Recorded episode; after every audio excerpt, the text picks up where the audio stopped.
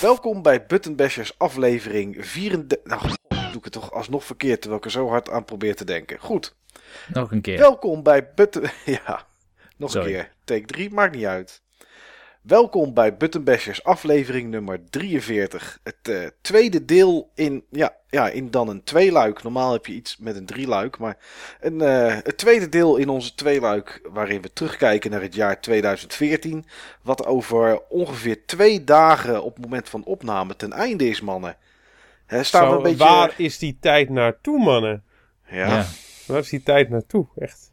Ja, ik heb geen idee. Ben je een beetje klaar, eh, Niels, voor 2015? Niet per se op gamegebied, maar gewoon überhaupt. eh, Ah ja, het is maar een datum, hè.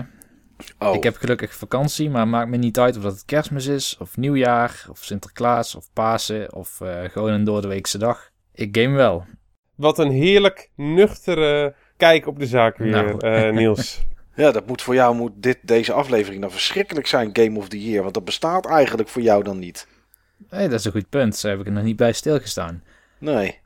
En jij, eh Steve? Zie jij 2015 nog wel zonnig in? Ik, eh, ik, zie, ik zie 2015 heel erg eh zorg in, want ik ga in ieder geval weer lekker aan, eh, aan de slag. Ik heb gewoon zin om weer eh, een normaal ritme op te pakken. En eh, Wat voor iedereen die naar de vorige aflevering luisterde en, eh, en het forum eh, eh, van ons bezoekt, button-bashers.nl, die weet dat jij nog steeds last hebt van een conditie aan de ogen. Die Ja, ik heb, ik heb oogproblemen. Ik heb vocht in, achter mijn linker netvlies. En daar heb ik al een tijd rust voor voorgeschreven gekregen. En druppels. En ja, qua zicht gaat het nu een heel stuk beter. Alleen had ik opeens meer vocht achter mijn oog. Dus Ja. Ik moet nog even kijken van wat ze eraan gaan doen de komende weken. Maar het eh, komt gewoon helemaal goed. Dus gewoon even kijken van eh, wat eh, de aanvalsroute daarin wordt.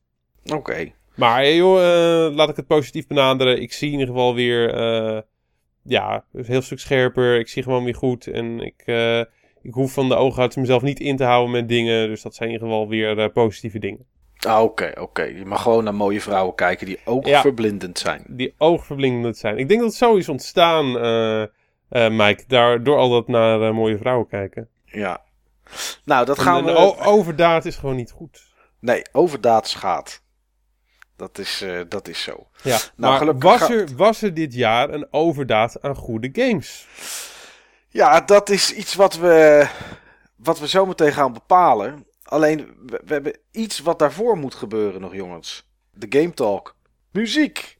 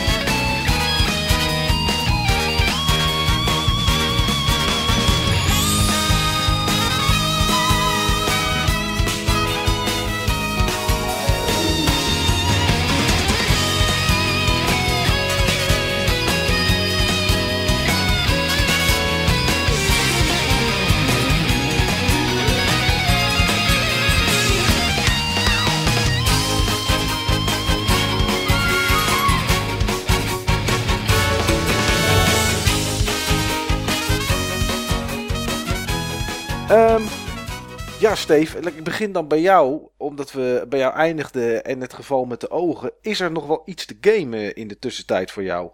Ja, ik heb, eh, ik heb zeker eh, iets gegamed met een nadruk op iets.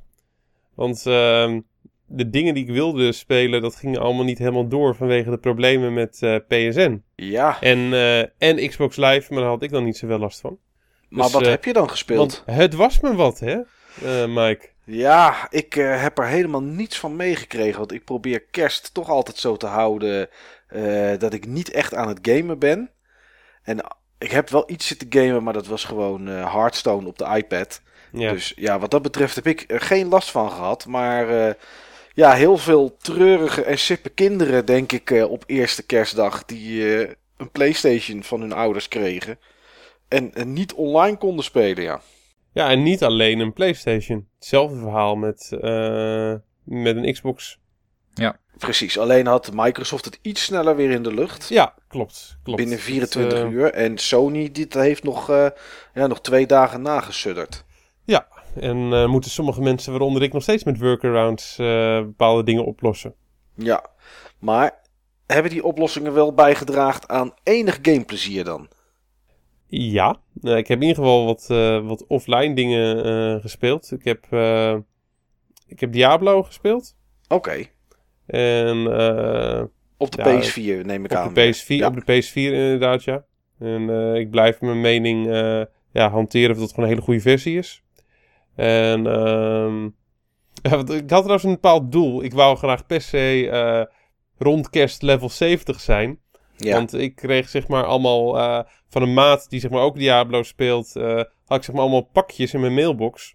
En ik wou die pakjes graag allemaal openen wanneer ik level 70 was, want er zitten level 70 legendaries in. Dus ik had eh, doorgespeeld om level 70 eh, te zijn. En vervolgens was ik eindelijk level 70, ging ik mijn pakjes ophalen en toen kon dat helemaal niet. Want die worden niet lokaal opgeslagen, die blijven allemaal zeg maar op PSN totdat je ze echt binnenhaalt. oké. Dus toen heeft het vervolgens nog drie dagen gestuurd voordat ik al die goodies eh binnen had. En waar is het waard? Ja, zeker, zeker. Ik had 12 legendaries in één keer, man. Zonder dat ik er iets voor gedaan had. Oh. Behalve vrienden hebben, nou, dat is ook, eh, dat is ook iets. Dat is ook Ja. iets. Ja, nee, Ja. dat moet je ook onderhouden. Dat is ook Ja. belangrijk. Ja. Dus eh, nee, maar eh, ja, nee, dat waren echt, eh, dat was echt een shitload aan, eh, aan legendaries. Leuk systeem dat trouwens. Ja, Dat, eh, dat zouden meer games eh, moeten doen.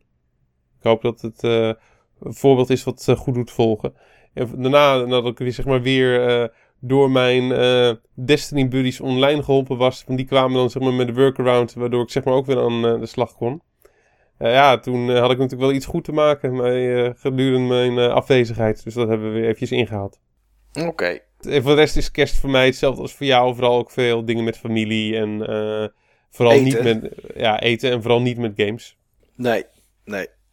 En voor de rest daaromheen is het eigenlijk Destiny geweest wat de klok sloeg. Het was vooral eh, Destiny wat de klok sloeg inderdaad, ja. Oké. Ja, ik, ik blijf het gewoon een verslavend spel vinden. En is het dan enkel de nieuwe raid die je aan het, eh, aan het spelen bent?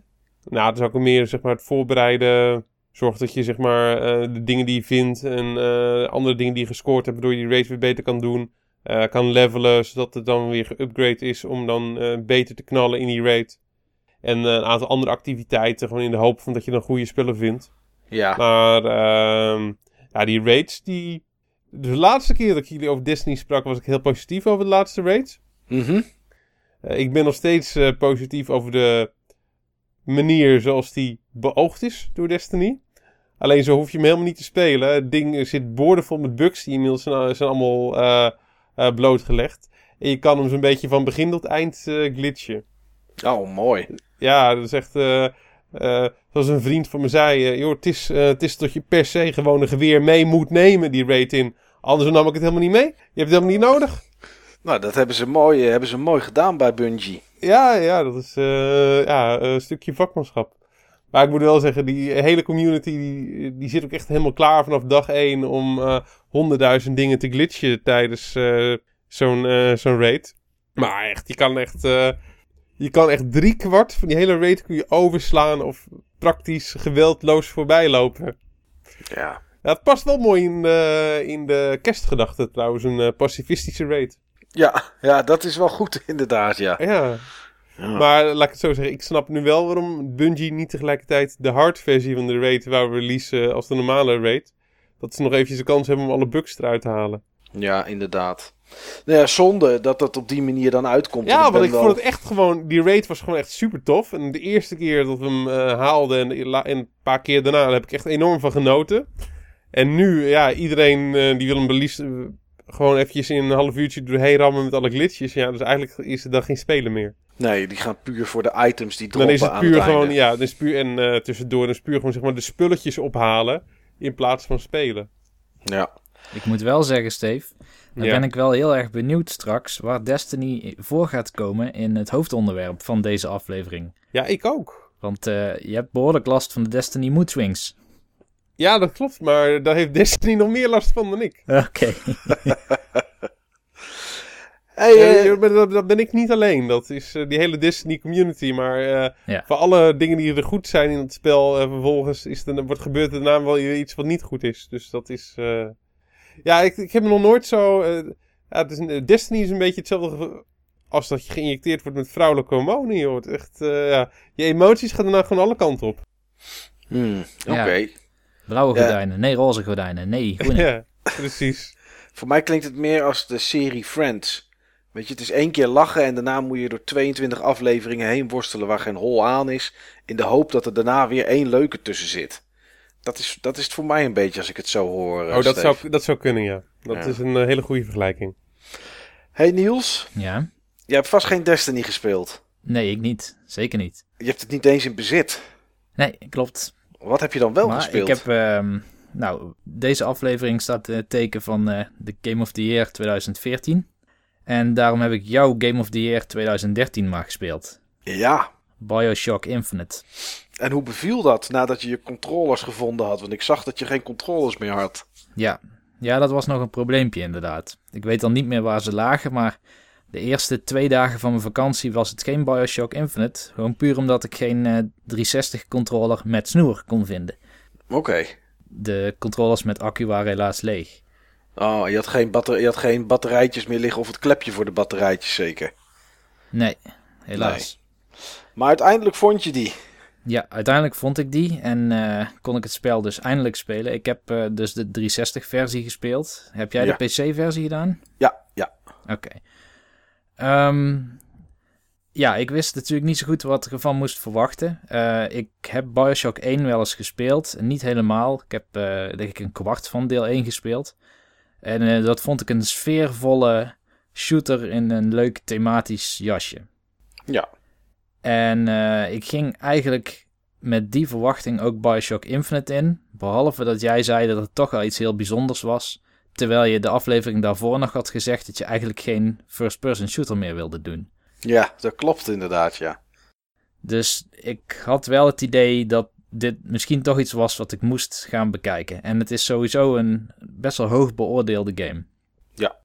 Ik heb positieve en negatieve dingen met Bioshock Infinite. Maar laat ik met het positieve beginnen.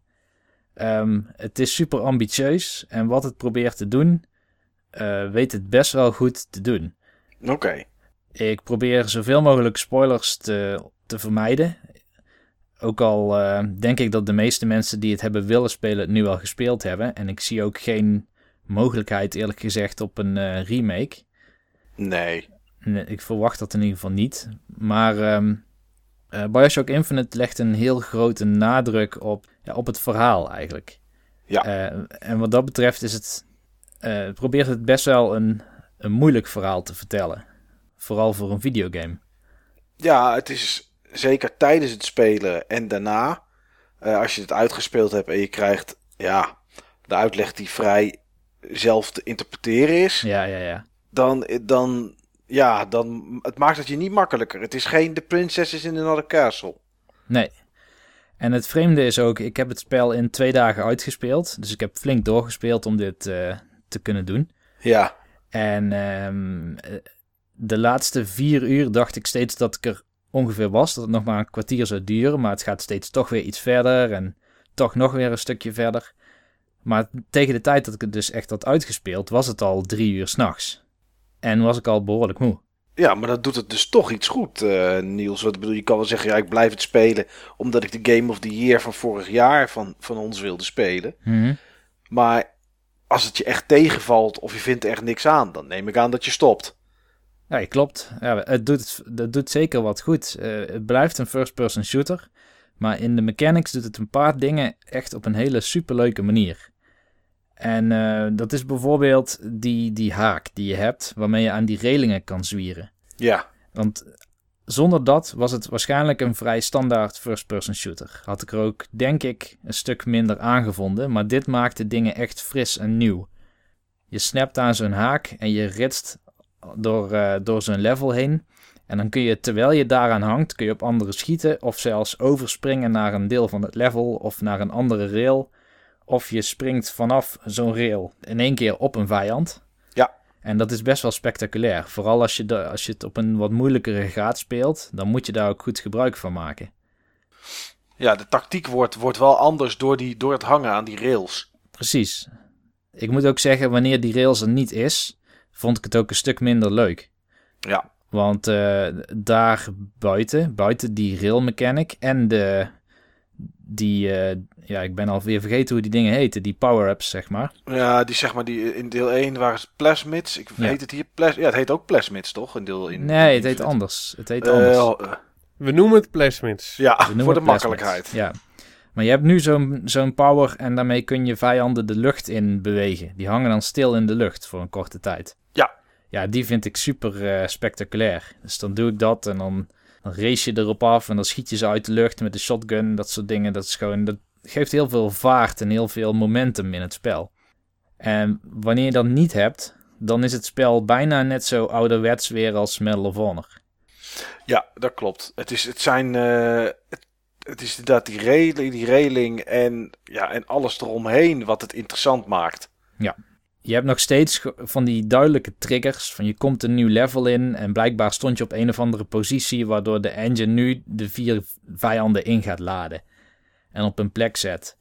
Dus dat voelt wel ouderwets aan. Het is heel duidelijk dat er spawn points of zo zijn voor, eh, voor vijanden. Ja. Dat en klopt. eh, wat ik persoonlijk ook wel jammer vind. En, en een beetje tegenstrijdig met het doel van het spel. Want het spel probeert een verhaal te vertellen. Gelukkig heel erg in de achtergrond. Hè? Dus je hebt heel weinig cutscenes. Ja. Serieus heel weinig cutscenes. Bijna Ja, je hebt alles gebeurt tijdens het spelen. ja, met audiologs bijvoorbeeld. Daar gebeurt een hele hoop mee. Ja, met audiologs of, of je volgt iemand en die roept ondertussen van alles. Je wordt nooit echt uit het spel gehaald om het verhaal mee te maken. En Nee. dat is wel fijn. Alleen soms dan spreekt het spel het verhaal weer tegen. Op bepaalde manieren. Ehm, bijvoorbeeld, je komt op een gegeven moment in een soort sloppenwijk. En daar staan van die, eh, van die spanborden van we need food. En daar, zit, daar wonen de arbeiders die heel arm zijn en die niet mee kunnen in het eh, nieuwe systeem. Ja. Want eh, Bioshock Infinite gaat over een soort nieuwe utopische wereld. Die heel art deco en oud-Amerikaans zeg maar is ingevuld. Dus het, het doet heel retro en tegelijkertijd supermodern aan. Alleen het is heel industrieel en niet alle klassen van de bevolkingsgroep doen daar even effectief in mee of halen daar hetzelfde uit. Dus je komt op een gegeven moment in zo'n sloppenwijk en dan staat daar dus heel groot We Need Food. Maar ja, overal staan kisten en tonnen en eh, daar kun je, kijk je als speler het het in. Ja, er zit dus genoeg, genoeg appels, kom je daarin tegen. Ja. En eh, al die kisten en, en tonnen buiten en het vuilnis, er ligt overal geld in. Ja. Daar zouden ze eten mee kunnen kopen. Daar zouden ze eten mee kunnen kopen. Of eh, ja, überhaupt ligt daar genoeg geld, lijkt mij, om gewoon een beetje van te kunnen leven. Maar dat is dan weer het game design wat een beetje clasht, als het ware, met eh, het verhaal dat het level probeert te vertellen. Ja. En Nou, dat is het wel wel apart, vaker... Hm? Op die manier heb ik er inderdaad nog heb ik er niet naar gekeken.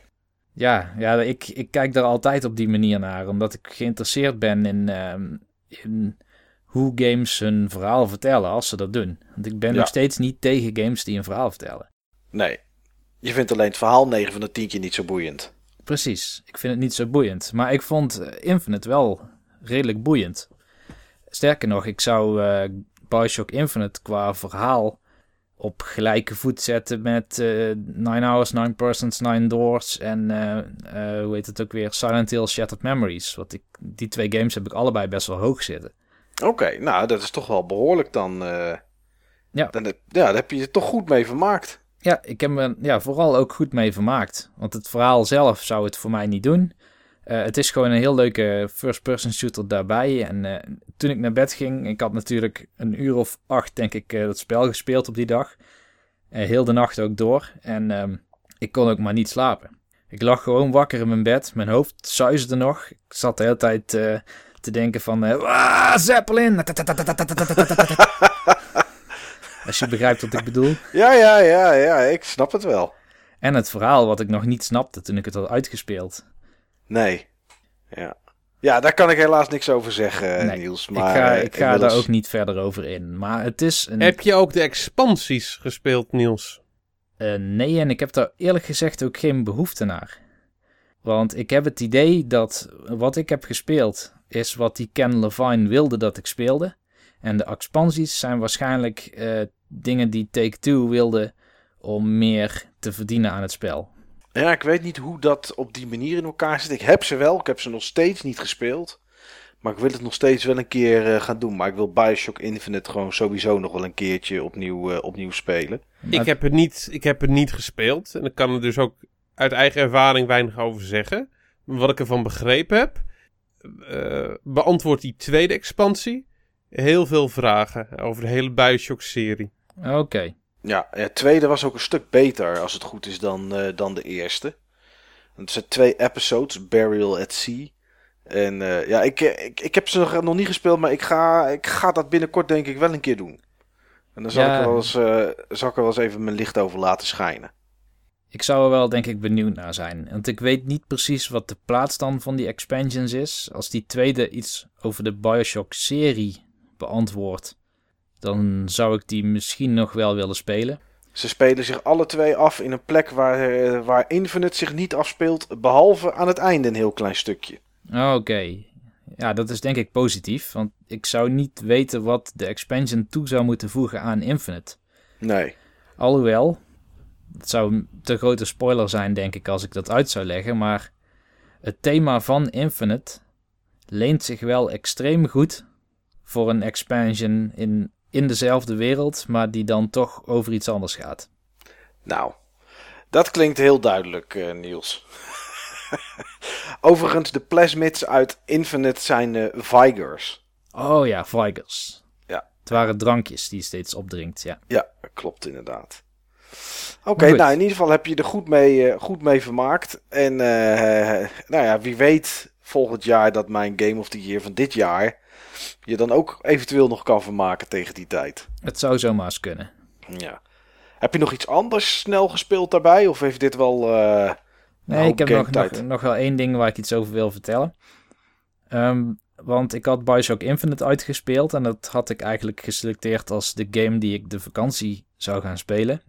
Want ik heb nu vakantie, omdat ik voor een hogeschool werk. Oh, lekker hè? Dat is enorm lekker, inderdaad. Ehm, maar toen dacht ik van, ja, wat ga ik nu dan spelen? En in eerste instantie dacht ik, ik ga opnieuw proberen, of ik ga verder met Mass Effect. Oh, Dus ik had Mass Effect weer eh, in de Xbox gedaan, want ik had die controllers nu toch, hè. En ik eh, weet nog dat ik in Mass Effect 1 best wel ver was. En ik start mijn save game op. En ik zit bij die Mako, dat rare voertuig, zeg maar. En op een heel ongelukkig punt in het spel, waar je met die Mako buiten tussen twee basissen, zeg maar, doorheen moet rijden. En ondertussen compleet aan gort geschoten wordt door van alles om je heen. Ik ken het punt. Je kent het punt. Nou, Ja. misschien kun je je wel voorstellen dat als jij koud weer in die game springt. Nou, dat, is niet het beste, dat is niet het beste punt om weer opnieuw in te stappen. Precies. Dus toen dacht ik, ik begin gewoon opnieuw. Dus ik had een nieuwe save game eh, aangemaakt, of een nieuwe game aangemaakt. Alleen heel snel werd ik een beetje moe van eh, de, de Mass Effect manier van eh sidequests. Van praat naar dit poppetje, loop naar het volgende poppetje. Die geeft je weer iets. Loop weer terug naar het eerste poppetje. Mooi, je hebt nu een punt. En dat gaat vrij lang door. Het spel komt zo ontzettend traag op gang. Daar kon ik nu even de aandacht niet voor opbrengen. Dus toen heb ik maar een andere BioWare game in mijn Xbox 360 gestopt. En dat was Dragon Age Origins. Daar Oh, heeft dat, Steven het eh, eh, uitgebreid ja, ik- over gehad. Ik kan het alleen maar allemaal goedkeuren. ja, zeker het uit je console halen van Mass Effect. Dat is, eh, dat is sowieso een pluspunt. En als je die dan ook nog eens vervangt voor Origins, ja, dan, eh, dan zit je goed, Niels, denk ik. Ja, Of viel ik dat heb- ook tegen? Nee, nee, nee, nee. Origins viel niet tegen. Ik had Origins al een keer een stukje gespeeld. Een uur of twee en een half volgens mij. Eh, maar eh, dat was nog op een Xbox 360 die daarna kapot is gegaan. En nu heb ik dus een nieuwe. Dus ik had sowieso al... eh, ik heb geen eens meer een memory unit of hoe dat ding ook weer heette... dat je toen eh, nog moest gebruiken. Ja, Maar ehm, ik vond Dragon Age wel makkelijker nu om in te komen. het komt een beetje over als een soort. Ja, Ja. hoe, eh, hoe moet ik dit beginnen?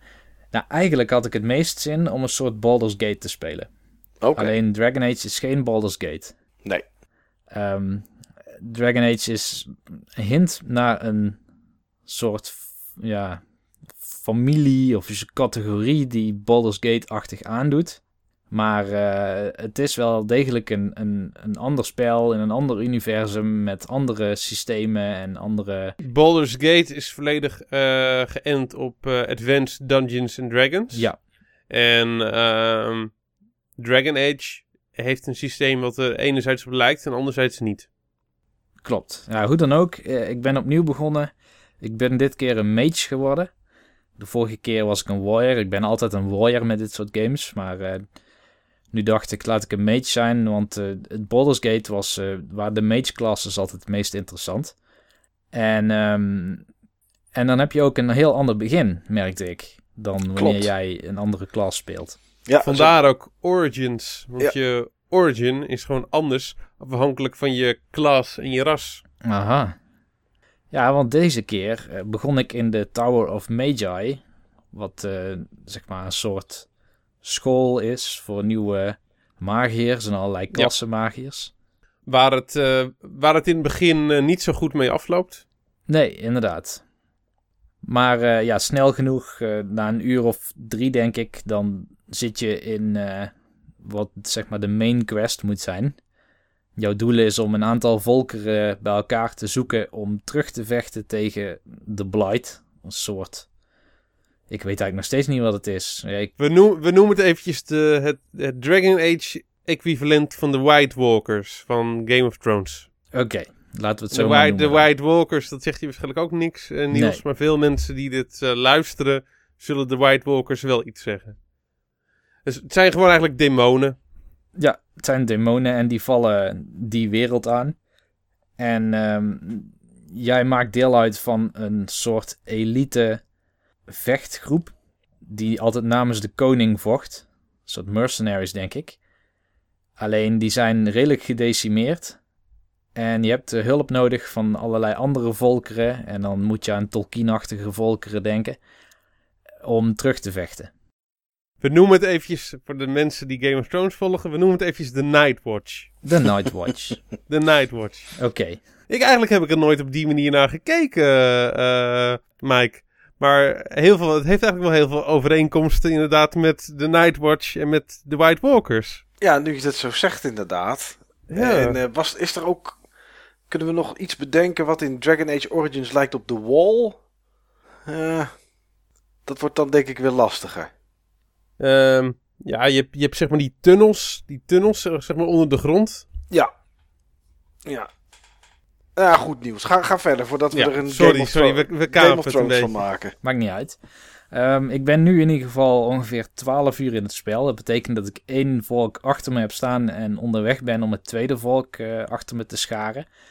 Ehm, het is niet echt heel erg grootschaals of zo. Het suggereert een grote schaal, maar als je het uitkleedt, is het eigenlijk een soort eh, Zelda-game waarin gevraagd wordt of dat je vier amuletten wilt halen om de final dungeon te kunnen openen. Alleen zijn hier de amuletten dan gewoon volkeren. En interessant is dat elk volk zit aan een kant in de map waar je altijd één stad bij hebt. En een soort hub erbij. En dan een dungeon die je moet doen. Of een bos eerst en dan een dungeon. Ja. Ja, Maar daar zit ik- wel wat in inderdaad. Dat het, dat het wel een beetje eh, op, een, op een vrij basisachtige manier opgebouwd Het is. is heel, heel basis, basisachtig, ja. En ik moet ook zeggen dat de volkeren en het thema en het verhaal en zo ook best wel basic is. Kijk, het doet zijn ding, maar ik zit hier niet naar een, eh, naar een of andere mijlpaal in het genre of zo eh, te kijken. Tenminste, dat idee had ik zelf.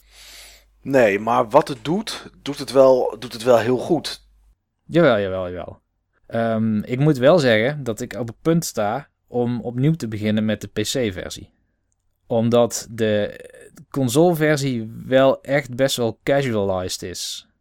Hmm. De, Ja, het is niet alleen casualized. eh, ze, hij, ze trok het gewoon niet. Ze trokken gewoon, het, die consoles trokken het combat systeem van de PC-versie niet. Oh, oké. Ik dacht dat ze misschien het gewoon meer geschikt hadden gemaakt voor de controller. Ook, maar uh, ook technisch gezien uh, trok, trokken ze het gewoon niet. De, volgens mij het nieuwe deel heeft, heeft volgens mij combat die ook zeg maar gepauzeerd kan worden. Die je echt van bovenaf kan, uh, kan kijken. En dat je dan ook gewoon orders kan geven van bovenaf. En dat je veel meer overzicht hebt. Precies. Net zoals... Uh, net het zoals eerste deel, Gate en... Net zoals ook het eerste deel op PC. Ja. Dat klopt toch, uh, Mike? Ja, klopt. Ja. Oké, want dat is wat ik graag wil. Want ik mis nu wel echt die tactische combat. Want hoe ik het spel nu speel, en ik speel het gewoon op normal... Maar um, ik heb nauwelijks een cruciale functie in battles mijn NPC's of mijn NPC, mijn, uh, mijn party members lossen bijna altijd alles voor me op. Je loopt richting een, uh, een vijand of een vijandige groep en zij trekken ten strijde en doen eigenlijk bijna alles. En ik heb het gevoel dat als ik niks doe, dat je het dan ook nog wel haalt. Tot nu toe in ieder geval. Hangt sterk van, uh, van de battle af. Maar ik hoef in ieder geval Nor niet... normal, was, normal was niet zo moeilijk. Nee, dat klopt. Ik had hem op hard ik ben in ieder geval gewend dat, uh, dat je het spel constant pauzeert om een partymember een bepaalde opdracht te geven. En dat die opdrachten en de volgorde daarvan echt heel veel uitmaken of dat je die battle wel of niet haalt. Bij Baldur's Gate, want dat, ja, sorry, ik blijf het daarmee vergelijken, maar dat is een van de BioWare games. Logisch, logisch en terecht. Ja, dat is een van de games waar ik, waar ik ooit mee ben begonnen.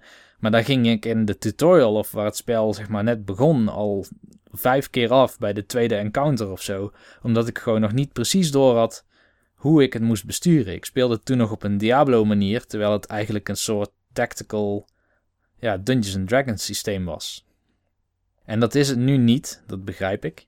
Maar ik heb wel begrepen uit vergelijking ook online dat die PC-versie wel meer dat is. En uh, ik vind de game echt leuk genoeg om, om te spelen. Maar dan ga ik hem liever op de leukst mogelijke manier spelen. En dat is voor mij persoonlijk dan denk ik die PC-versie. Oké. Nou, nou ja. ik, heb, ik heb ze allebei gespeeld. Mhm. En ik kan uit ervaring zeggen dat het gewoon echt allemaal klopt. Oké. Ik heb er dan voor gekozen om de Xbox 360 versie te gaan spelen. Omdat uh, jullie kennen me inmiddels. Ik, uh, de bank, ik ben hè? gewoon niet... Ja, de bank. Ja. Maar um, ja, het is gewoon veel beter. Oké. Okay. Ja, het, het enige jammere nog aan, aan deze game vind ik um, de quests, de mini-quests die je hebt en de dialogen. Die zijn wel vrij basic, zeg maar. Laat ik een voorbeeld noemen. Um, het eerste volk wat je gaat recruiten, daar in de buurt zit een bos. En daar zit dan een soort oak tree. En die vraagt of dat jij een eikel terug wil zoeken. En dan kun jij zeggen, ja, dat doe ik, of je slaat hem neer. Dat is eigenlijk steeds de keuze die je hebt. Dus bij bijna elke dialoog zijn dat eigenlijk de uitkomsten die je kan hebben. Alleen de manier waarop je die dialoog voert is zo transparant dat ik zelf niet meer zo goed snap waarom ik dan die dialoog moet voeren. Waarom mag ik hem niet meteen neerslaan, bijvoorbeeld? ja, die keus die, die heb je niet zelf, Niels. Ja, het is, uh, ik zie die dialogen als mini-puzzels. En als speler weet je dat er eigenlijk altijd die twee uitkomsten zijn. Van of je doet het de vriendelijke manier, maar dan moet je waarschijnlijk iets doen. En dan gaat het verhaal verder. Of je doet het de onvriendelijke manier. En dan gaat het verhaal ook verder. Uiteindelijk gaat het toch verder. Ik bedoel, of dat jij nou die boom helpt uh, door die eikel te halen. Uiteindelijk, als je die eikel haalt, dan krijg je een of ander takje waarmee je mist weg kan waaien. Kijk, als je die boom kapot slaat, dan kom je even later weer een popje tegen en die had jou anders als quest gegeven om die boom kapot te slaan. En die had jou dan verteld hoe je voorbij die mist kwam. Dus die mist kom je toch voorbij en dan is het toch inconsequentieel. Of dan maakt het eigenlijk niet zoveel uit wat je gedaan hebt, want het gaat toch door. Maar goed. Ik had het idee in ieder geval dat Baldur's Gate altijd wat, wat meer, uh, hoe moet ik het zeggen, meer consequentie hing aan de keuzes die je maakte.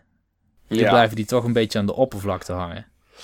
Ja, ja, wacht maar tot je wat verder in het spel bent. Ik wou, okay. ik wou net zeggen, er zijn wel keuzes die wel echt, uh, echt invloed hebben. En kijk, wat je nu zegt inderdaad, om die main story uh, vooruit te duwen. Ja, daar zullen gewoon dingen moeten gebeuren. Dus ja, weet je, de manier waarop is dan misschien een links en een re of een rechtsom kom je op hetzelfde punt uit. Maar uh, dat, dat verandert nog wel inderdaad. Oké, nou daar kijk qua ik dan naar. keuzes, qua keuzes ehm, ben ik geneigd om te zeggen, ben ik geneigd om te zeggen dat het tegenovergestelde juist waar is. Want tot, eh, tot, er, tot effecten van keuzes in Dragon Age veel meer eh, duidelijk zijn dan in Baldur's Gate. Baldur's Gate, zeg maar, dat, dat hele kunstje van BioWare met, met keuzes en dat zeg maar eh, hun effect eh, laten hebben later in het spelverloop, of zeg maar Mhm. zelfs buiten het spelverloop. Dat is iets wat ze zeg maar later eh, met Mass Effect en ook Dragon Age echt juist veel meer hebben doorgetrokken. Eh Baldur's Gate is eigenlijk veel lineairder. Ja, dat, dat vraag ik me af. Als je bij Baldur's Gate bijvoorbeeld een andere partymember had, dan kreeg je ook gewoon andere quests. En een sidequest bij Baldur's Gate kon jou naar een compleet andere stad brengen met andere dungeons. En hier heb ik toch het idee dat al die loops, zeg maar, van jouw keuzes heel klein zijn. Dus ehm, help je de boom of help je die man? Eh, vijf minuten later kom je in ieder geval voorbij die mist. Het is niet alsof er, zeg maar, eh 2,5 uur na die keuze een, enorme repercussie komt van je keuze. Tenminste, dat heb ik tot nu toe nog niet meegemaakt. En misschien komt dat nog. Ga nog eens eventjes verder spelen. Oké, prima. ik heb genoeg gezegd over Dragon Age. Eh, ik, ik speel hem in ieder geval verder. Dus misschien eh hoor je de vor- volgende keer Ja, meer. terecht, het is een goed spel. Oké, ja. Ik, eh, ik vermaak me er prima mee, Steve. Nou, dat was alles wat ik had te melden. Michael, heb jij Ja. nog iets? het is eh, vrij kort geleden dat we de vorige aflevering hebben opgenomen. Ja, ik heb toch wel wat zitten spelen. eh, maar er zit eigenlijk iets bij wat misschien straks wel in de Game of the Year voorbij komt. Dus ik weet niet of ik dat nu wil aanhalen. Aha. Ehm, ja, het enige wat ik eigenlijk een beetje heel suf aan het spelen ben, jongens, zijn, is, is Lego Indiana Jones deel 2. En als iemand me zou vragen waarom ik het speel, weet ik het niet. Het, het is nou niet zo dat ik vol extase op de bank stuts aan het verzamelen ben. Of die levels op 100% probeer te krijgen. Het is niet dat ik in, in, in woede mijn controller door de kamer smijt als Indiana Jones een keer eh, sterft. Ik weet niet waarom ik het speel. Gewoon omdat het simpel vermaak is. Niet nadenken en een beetje alles verzamelen. En ik denk dat dat de reden is. Ik, eh, Ja, Ja. maar jij, jij verzamelt ook die Lego games, toch? Ja, klopt. Klopt. Dus als ik deze uitgespeeld heb, dan ga ik denk ik door naar eh, ja, of Harry Potter. Eh, jaren 1, 4 en 5, 7 moet ik dan moet ik ook nog spelen. Ja, of ik ga door met Lego Hobbit Lord of the Rings. Ik weet nog niet welke ik hier, eh, hierna ga doen. Eh enige is dat ja, er gaat er behoorlijk wat tijd in zitten om alles op 100% te krijgen. Ja. En eh, ik heb dat eh, wel eerder al gedaan met, eh, met Lego Pirates of the Caribbean. Maar ik heb het gevoel dat het met, eh, ja, dat het in dit geval met, met Indiana Jones, dat er nog meer tijd in, eh, in zit. En er zit ook een level editor bij. En daar baal ik een beetje van, want ik vind levels editen en maken helemaal niet leuk.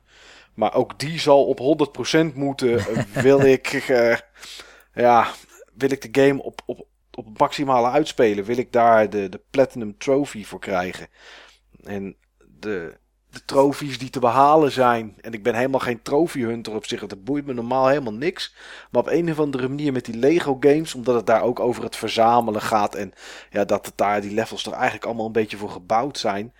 Heb ik, ja, heb ik daar meer behoefte aan om dat toch op 100% te krijgen. Dus ik weet nog niet hoe ik het moet gaan doen eh, om het voor elkaar te krijgen. Maar ik, eh, ach, ik ben er lekker mee bezig. Want net zoals jij Niels heb ik ook vakantie. Juist. Ik, eh, ja, ik stap 's ochtends uit mijn bed. Ik ga op de, op de bank zitten en ik pak de controller. En ja, ik hoor het wel een keer wanneer er eten is. Eigenlijk heb je dus een soort van Lego OCD, eh, Mike. Ja, misschien, misschien is dat mijn enige OCD-achtige achtige trek eh, die ik heb. En dat is dan inderdaad gebaseerd op de Lego games.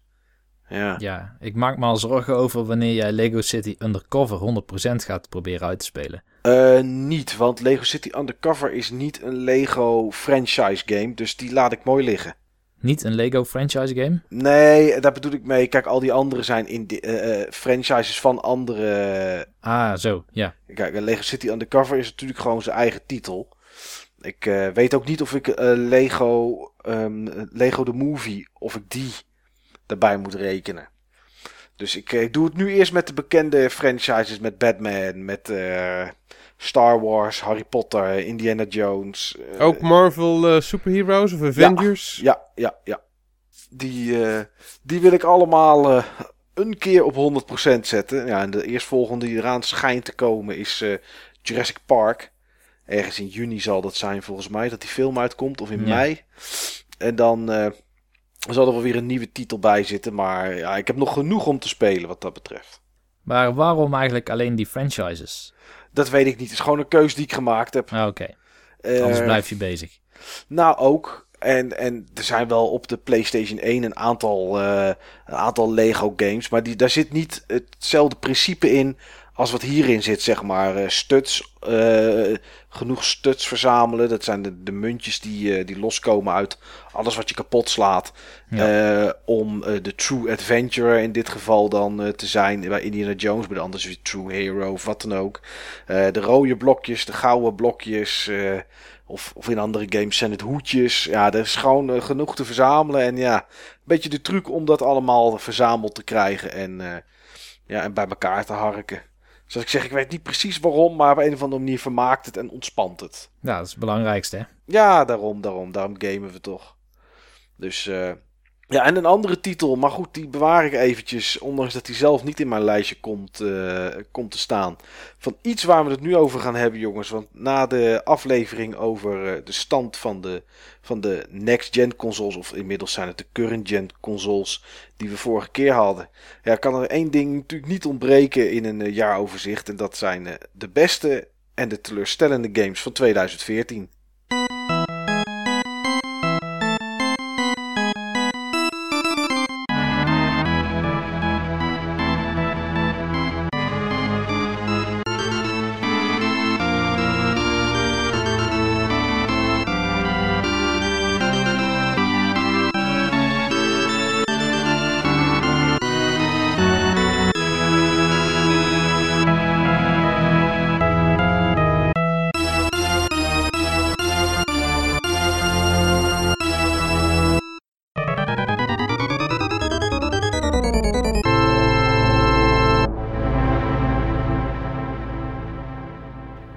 We hebben de, afgelopen podcasts door dit jaar heen natuurlijk genoeg games genoemd die we gespeeld hebben. Daar zaten goede titels tussen, er zaten slechte titels tussen, eh, matige titels. Maar vandaag gaan we het hebben over, eh, over, de, over de beste, de teleurstellendste. En we gaan natuurlijk ook even een kleine, kleine vooruitblik doen naar 2015. Ehm, ik wil eh, met jou eh, beginnen, Steve. We hebben afgesproken van tevoren dat we drie titels zouden uitkiezen die we de moeite waard vonden het afgelopen jaar. En eh, ja, ik ben benieuwd welke drie titels jou dit jaar het meest hebben kunnen bekoren. Ja, daar ben ik ook wel benieuwd naar. Ja, ik, heb ik ook. natuurlijk, ik heb natuurlijk ook eh, ik heb natuurlijk mijn lijstje. Zo stom is het als ik dat niet had en als ik dat nu nu ter plekke ehm, zou moeten gaan verzinnen. Maar één ding wil ik er van tevoren bij ehm, zeggen. Eh, de games die ik vorig jaar op mijn, eh, op mijn lijstje had, vond ik veel beter voor het grootste gedeelte dan de games die ik er dit jaar op, eh, op heb. Ja, Ehm, terwijl ik zeg maar ehm, de games die ik op mijn lijstje heb eigenlijk van dit jaar veel meer heb gespeeld dan, ehm, dan die van vorig jaar. Waarschijnlijk heb ik de game die ik het langst heb gespeeld, net zo lang gespeeld als alle andere games eh, die ik vorig jaar heb eh, gespeeld op mijn top 3 lijstje. En dan keer 2 of keer 3. ja nou ja, voordat we op eh, opnemen drukten, was jij nog heel eventjes de was aan het ophangen, geloof ik. Toen hadden Niels en ik het er al over dat het ook vrij moeilijk was om drie hele goede games te vinden dit jaar. En heel makkelijk om drie of meerdere teleurstellende titels eh, naar boven getoverd te hebben. Dus het, het- ik snap het wel, Steve. Het was dit jaar gewoon ja, moeilijker. Ja, je merkt toch dat je nog eh, in die overgang van generaties eh, zit en ja, tot dingen nog wat meer op hun plek moeten vallen. Maar goed, ik ben benieuwd, Steve. Kom maar op met je, met je, met je lijstje. Oké, mijn top 3 lijst begint met op 3 een PlayStation 4 titel. Een vrij vroege PlayStation 4 eh, titel, een exclusive. Infamous Second Son. Oké. Ja, vind ik een hele vermakelijke game.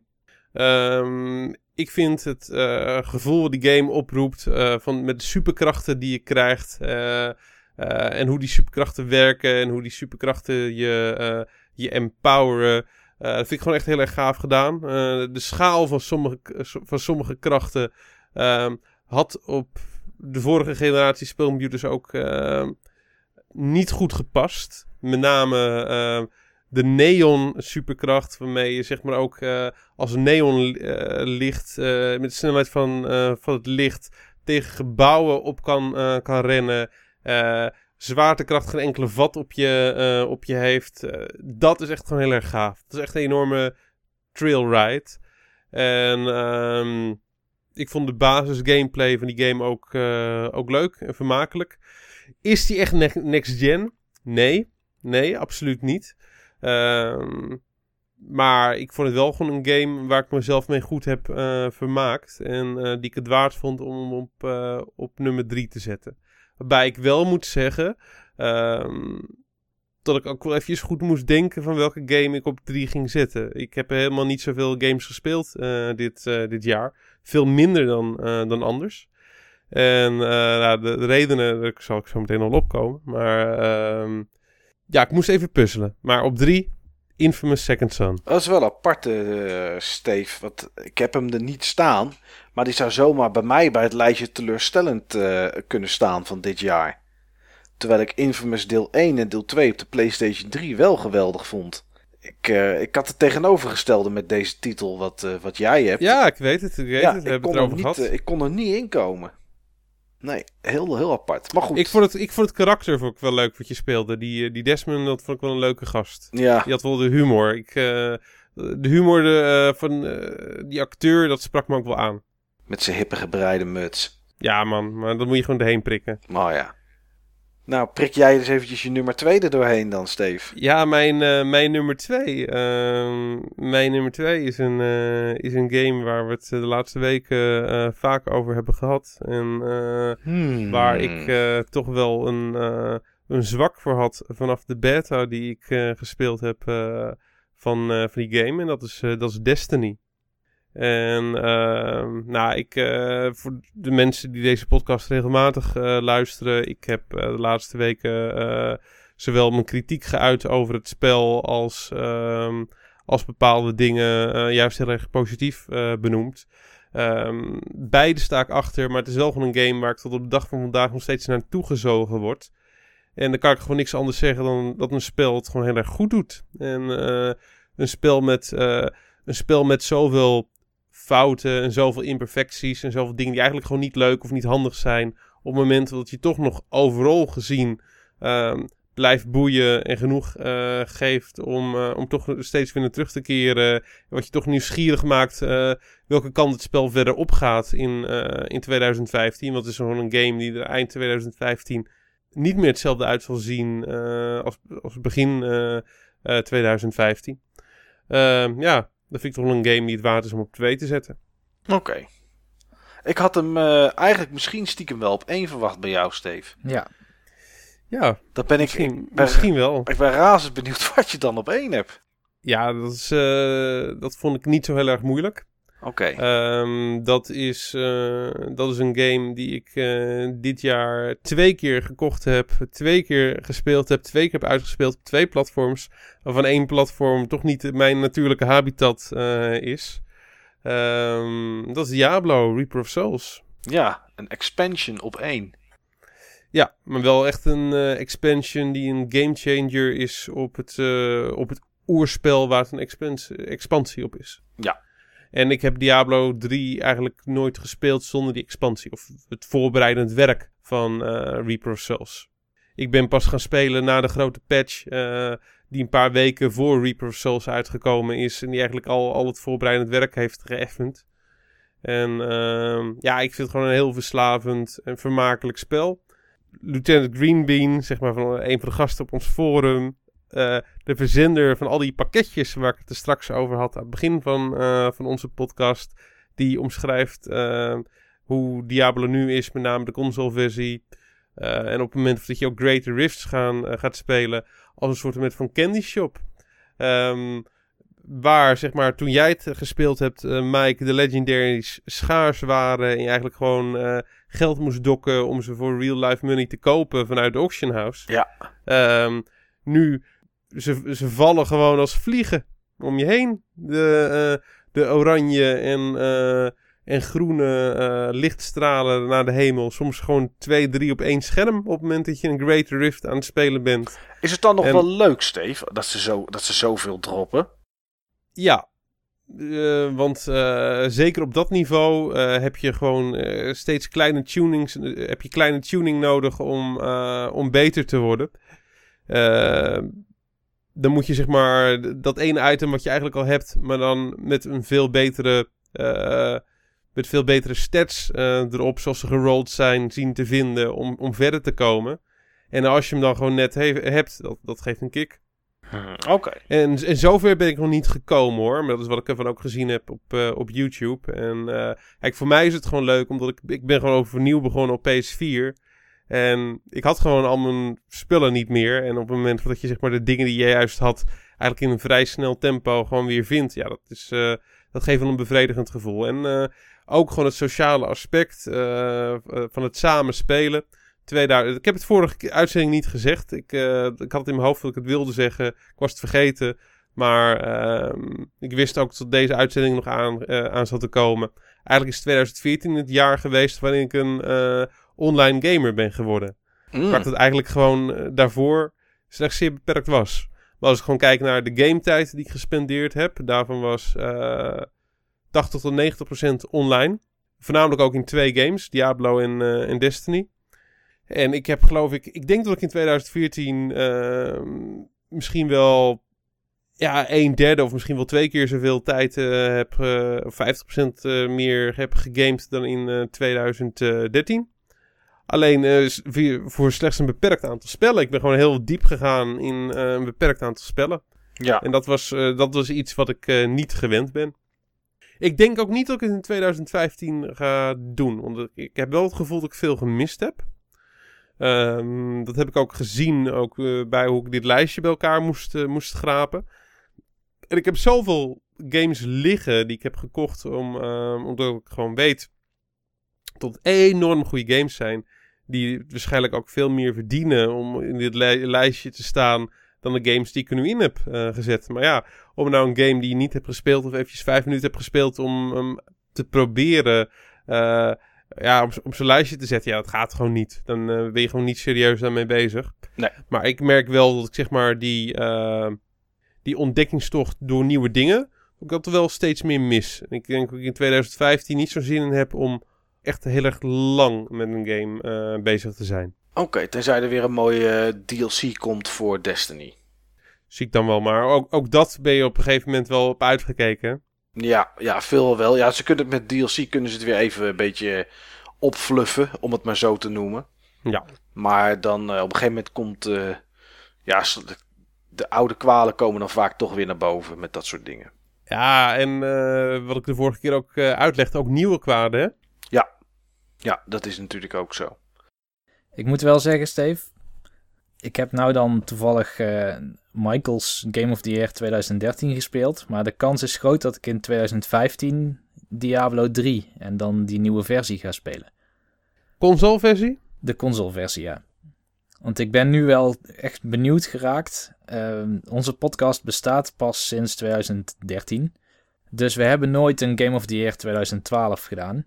Maar in 2012 zou ik in dezelfde splagaat gezeten hebben als jij met Destiny, omdat ik Diablo 3 de meest teleurstellende game van het jaar vond. Maar ook het meeste tijd ingestoken had, misschien na Monster Hunter dan, van alle games die ik had gespeeld. En dat is een beetje paradoxaal natuurlijk. Ja, nou, ik begrijp je volkomen, dus... Uh... Je zei ook van, ja, het is nu zoveel verbeterd met, uh, sowieso met die patch, die 2.0, 2.0. En met de expansion, dan wil ik het toch zeker eens opnieuw proberen. Ja, en uh, eh, 2.1 tegenwoordig, hè? En uh, waarbij ze zeg maar ook de Greater Rifts hebben toegevoegd. Ja.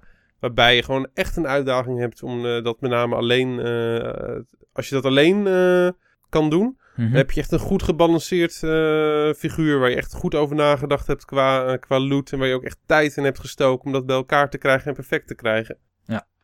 Oké, even, even ter resume. Op 3 Infamous Second Son, op 2 Destiny en op 1 Reaper of Souls voor Diablo 3, Steve. Ja. Nou, mooi, eh, een mooi lijstje. Ik ben heel benieuwd wat jij hebt, Niels. Een heel ander lijstje. Dat, eh, dat vermoeden had ik sowieso wel. Er zit niet één titel in die al genoemd is. Nee, ik, waarschijnlijk ook geen één titel die deze uitzending al genoemd is. Nee, klopt. Nou, kom maar op dan. Ehm, ik heb over plaats 3 heel lang zitten denken. Ik heb, ehm, ik heb overwogen om daar eh, Shovel Knight neer te zetten. Hm, dat snap ik wel. Die heb ik de laatste tijd veel zitten spelen. En eh, dat eh, is wel een game waarvan ik dacht: van als deze tijdens de NES-tijd was uitgekomen. Dan hadden we nu niet al die gekte rondom Castlevania en Mega Man. Maar dan was de gekte rondom Shovel Knight. Gok ik. Maar ja, aan de andere kant, Shovel Knight, of hij het zelf had kunnen bedenken wat er allemaal in Shovel Knight zit, is Ja. dat natuurlijk weer het tweede. Want het doet natuurlijk lenen van, ja, zel- zelfs van DuckTales doet het lenen. Ja, klopt ja. ja. Shovel Knight gebruikt heel veel best wel moderne game design ideeën. En die stopt dat weer in dat retro jasje. Maar dat maakt het niet de typische indie game van we maken een 8-bit platformer. Maar dit, dit was echt een, ja, een vrij moderne 2D game die toevallig ook retro is. Tenminste, zo speelt hij. Ja. Maar dat is hem niet geworden. Ehm, op plaats 3 heb ik een game en het was een van de eerste games die ik in het jaar heb gespeeld. En daarom ook bijna vergeten was. Volgens mij was het ook in de eerste of de tweede podcast van het jaar dat ik de game voor het eerst noemde. En dat is Donkey Kong Country Tropical Freeze. Oké, ja. Die heb ik nog steeds niet gespeeld. Dat is eigenlijk wel een beetje een schande. Tja, eh, ja, ik weet niet of dat jij, eh, of dat Donkey Kong Country titels jou liggen. Eh, ik vind ze wel vermakelijk altijd. Dat zeker. Als je ze vermakelijk vindt, dan zou je deze zeker een kans moeten geven. Ehm, ik ben nooit zo'n Donkey Kong Country fan geweest. Ik vond de SNES games oké. Eh, Donkey Kong Country 1 heb ik vroeger gehad. Die heb ik toen wel 101% uitgespeeld. Tenminste, ik geloof dat je over de 100% kon. Donkey Kong Country 2 heb ik gehuurd. En heb ik later dan nog op de Virtual Console gespeeld. Maar Donkey Kong Country Returns vond ik best wel goed. Die game op de Wii. Die Party Star ook altijd runt op eh, Awesome Games Done Quick-achtige events. Ja. Alleen Tropical Freeze verbetert op eigenlijk elk gebied. Toen ik Tropical Freeze voor het eerst speelde, dacht ik ook van ik vind dit misschien wel leuker dan eh, Rayman Legends, die het jaar daarvoor uitgekomen was, die ik volgens mij ook in mijn eh, top 3 toen heb genoemd. Ja, want die was echt heel goed. Die was echt, echt heel goed en creatief. En ik vond het zelfs leuker dan eh, Mario 3D World. Want hoewel Mario 3D World super goed in elkaar zit en heel slim en eh, gave levels, ehm, vond ik dat eh, Donkey Kong iets meer verschillende of iets meer ambitieuze dingen probeerde. Die levels namelijk van die nieuwe Donkey Kong, van Tropical Freeze, dat zijn eigenlijk verhaaltjes op zich. Je begint niet zomaar in een level, ehm, bijvoorbeeld in de bossen. En eh, je springt over wat beesten heen en in wat tonnen en eh, je komt bij de finish. Maar vaak begin je bijvoorbeeld in een soort zaagfabriek. En dan eh, spring je op een stam en die wordt door midden gezaagd. En vervolgens glij je van een glijbaan af en dan kom je in een rivier terecht. En vanuit die rivier kom je dan weer op een kust en dan moet je vanaf daar weer verder. Dus er zit zeg maar veel in zo'n level. Het doet meer dan de gamer uitdagen. Het brengt ook Donkey Kong echt van een plaats in een wereld naar een andere plaats in die wereld. En dat vond ik super goed gedaan. Als je dat dan combineert met die, met die platforming controls, dan maakt dat voor mij eh, misschien wel de, nou ik wil niet zeggen de beste of de leukste side-scroll eh, 2D-platformer die ik ooit heb gespeeld. Want dan zou ik misschien toch nog steeds naar eh, Super Mario World neigen. Maar zeker wel één van de leukste. Nou, Dus dat is plaats 3. Klaar voor plaats 2? ja, kom maar op. Dat is eh, Mario Kart 8. Oh, ja. Die heb ik zoveel gespeeld in het begin. En ik vond het toen al een hele sterke Mario Kart. Ehm, het heeft iets. er- ze hebben iets met die controls gedaan. en Met physics. Dat voor mij gewoon een fijne balans tussen uh, racen en freeform uh, stunten met zich meebrengt. Ja, met het, met het springen en het boosten in de lucht en dat soort dingen allemaal. Precies. Dus het is nu. Het is geen. Uh, je hebt bijvoorbeeld die Sonic Card Game. Die vind ik ook heel leuk. Die Transformed heet die, geloof ik. Ja. Maar bij, bij die game gaat het puur over de snelheid en de boost op het juiste moment en de slip op exact het juiste moment inschakelen. En bij Mario Kart komt er, daar zit dat er ook in, maar er komt ook nog bij dat jij soms gebruik moet maken van je omgeving, omdat je bijvoorbeeld een speciaal item hebt, waarmee je toch um, de, de rankings zeg maar uh, kan beïnvloeden. Toch mensen kan inhalen die je normaal op snelheid niet in zou kunnen halen. En dan bedoel ik niet dat je een blauw schild vooruit schiet en dat die de eerste persoon onderuit schopt en dat jij daardoor in kan halen.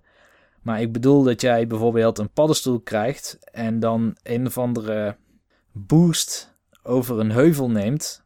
En daar komt dan heel veel skill bij kijken om dan weer precies op het pad te landen. Maar als dat lukt, dat is gewoon heel gaaf. En die karts die zitten niet vastgeglued zeg maar, aan de track, maar die stuiteren echt in het rond. En als je tegen andere racers aanbotst, dan beuk je ze ook echt aan de kant. Dat soort dingen had Mario Kart hiervoor niet. Plus een hele mooie track selection. Nou, dat zeker. En um, uh, toen ben ik een tijd uh, natuurlijk in uh, Korea en Japan geweest. En daarna was ik even vergeten dat Mario Kart achter was. Maar toen kwam die DLC. En dat waren ook weer hartstikke leuke nieuwe levels. En weliswaar karakters die niet uit de Mario Kart franchise komen. Maar dat maakt het ook alweer interessant. Ja. Het legt de lat ook hoog. Ja, geeft eventjes een andere draai eraan uh, als je in een keer uh, Link en dat soort figuren erin terugziet. Precies. Het, het maakt me wel een beetje zorgen. Het doet me wel zorgen maken over Mario Kart 9. Want wij willen dan Link. En ja, we willen die, dan die, die, wil je uh, standaard in. Precies. Maar die zitten er dan waarschijnlijk niet meer in. Dus dan voelt het weer als zo'n kale game. Ja, dan krijgen we een soort Sims, Sims 4 idee. Waar geen zwembaden en geen baby's in zaten toen die uitkwam. Ja, dan ga je weer helemaal terug naar zo'n basisvorm. En we zijn meer gewend. Dus dat, ik denk dat Nintendo het zichzelf best wel moeilijk heeft gemaakt nu. Ja. Met Mario Kart 8. Maar goed, het blijft uh, mijn go-to 4-player local multiplayer game. Um, ik heb hem zelfs gisteren nog gespeeld. En dan alle banen achter elkaar spelen met vier mensen. En het blijft gewoon echt super, super leuk. Ik kan dat blijven spelen. Ja. Dus op 2 Mario Kart 8. En dan één. En dan 1. Ik voel hem aankomen, denk ik. Ja? Nou, voor mij mag jij hem zeggen. Ik, ik, ik gok dat het Bayonetta 2 is. Het is helemaal correct. Het is Bayonetta 2. Um, ja, ik heb hier eigenlijk al een keer zo over uitgeweid over waarom ik deze game zo goed vind. Het bestuurt allemaal net iets lekkerder dan Bayonetta 1. Het houdt meer vaart in het spel dan Bayonetta 1. Dus je hebt minder van die uitgerekte stukken die eigenlijk niet de core gameplay zijn. Bijvoorbeeld in Bayonetta 1 had je de, van die motorrijlevels. En dan was je vijf minuten of tien minuten lang op een motor aan het rijden. En dat had totaal niks met, met de Bayonetta kwaliteiten van het battlesysteem bijvoorbeeld te maken. Het enige wat je dan deed was uh, af en toe naar links of naar rechts sturen om uh, auto's te ontwijken. En op B drukken om onder deuren door te glijden die bijna dicht gingen. En Bayonetta 2 heeft dat soort dingen niet. Dat is echt hoogtepunt naar hoogtepunt naar hoogtepunt naar hoogtepunt. En dat is zo knap gedaan. Dat, en het blijft steeds, um, steeds beter, wil ik haast zeggen, maar ook steeds intenser worden. Dat op een gegeven moment tegen het einde van het spel, dan geeft het echt je hell yeah videogames gevoel. dat je zo graag uh, wilt hebben. Ja, uh, alleen dan is de vraag, wat moet je daarna spelen met dat gevoel wat je hebt gekregen door Bayonetta? Ja, dat, uh, dat is een goeie. Mario Kart dan maar weer. Nou ja, ik, ik kan gelukkig heel goed schakelen, zeg maar, tussen spellen. Dus ik heb wel, wat jij zegt, wel gehad nadat ik Dark Souls heel veel heb gespeeld. Ja. Ik, ik wist echt niet wat ik daarna moest spelen. Niks Nee. leek me nog leuk. Maar dat was gelukkig nu niet het geval. Ik heb wel wat andere spellen gedaan, eh, die heb ik nu niet genoemd en die heb ik nooit in de podcast genoemd. Eh, oh ja, Shovel Knight is een van de twee eh, games die ik daarna heb gespeeld. Ja. Dus er zijn nog wel wat spellen om daarna te doen, maar bijvoorbeeld Smash is daarna uitgekomen, maar heeft niet die impact gemaakt die ik hoopte dat het zou doen. Ik, heb, uh, ik las op in de game dat, uh, dat jij Hyrule Warriors uh, nooit had gespeeld. Klopt. En ja, die, die had ik toevallig tweedehands zien liggen ergens, dus die had ik gekocht. Maar ook dat was het hem voor mij persoonlijk niet echt. Misschien kom ik er nog wel een keer op terug in de Game Talk, want ik ga hem vast nog wel verder spelen. Bayonetta 2 is, heeft toch een soort euforisch hoogtepunt bereikt. Wat ik niet kon opvolgen met een ander soort game voor dit jaar. Nou, dat is toch knap dat dat uh, niet lullig bedoeld, maar dat dat op de Wii U gebeurt, is dat gevoel, uh, Niels. Ja, nee, maar ik begrijp dat wel, uh, dat je dat ja. zegt. Ja, ja of all places gebeurt het, gebeurde het voor jou op de Wii U. Ja, en maar ik denk voor heel veel mensen hoor. En eigenlijk, eigenlijk had Bioshock Infinite op bepaalde momenten wel diezelfde euforische dingen. Tenminste bij mij. Maar ja, Bioshock Infinite is 2013. Ja, die mag niet meer. Die mag niet meer, nee. Nee. Dus Bayonetta 2 is het mijn Game of the Year.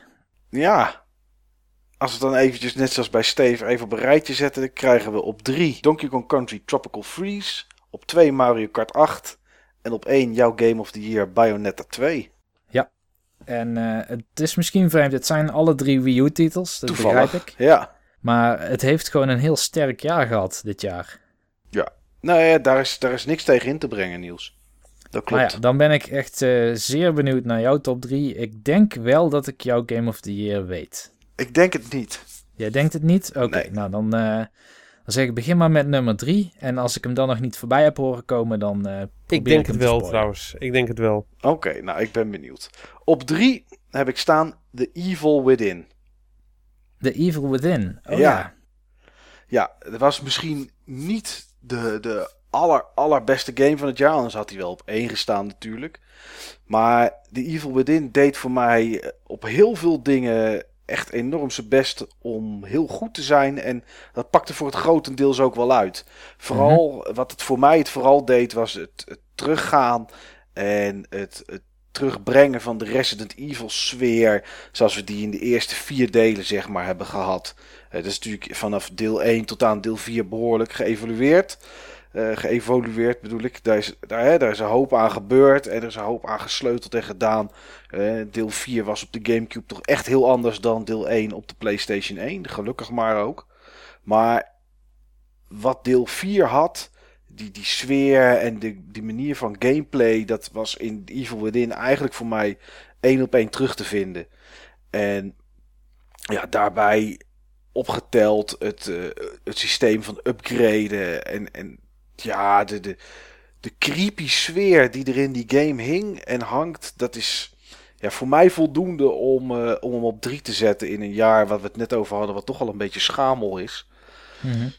Dus ja, dit, ik kan er eigenlijk niks anders over zeggen dan dat. Het, uh, ik heb op het puntje van mijn stoel gezeten. Ik heb gescholden als het voor de 26e keer misging.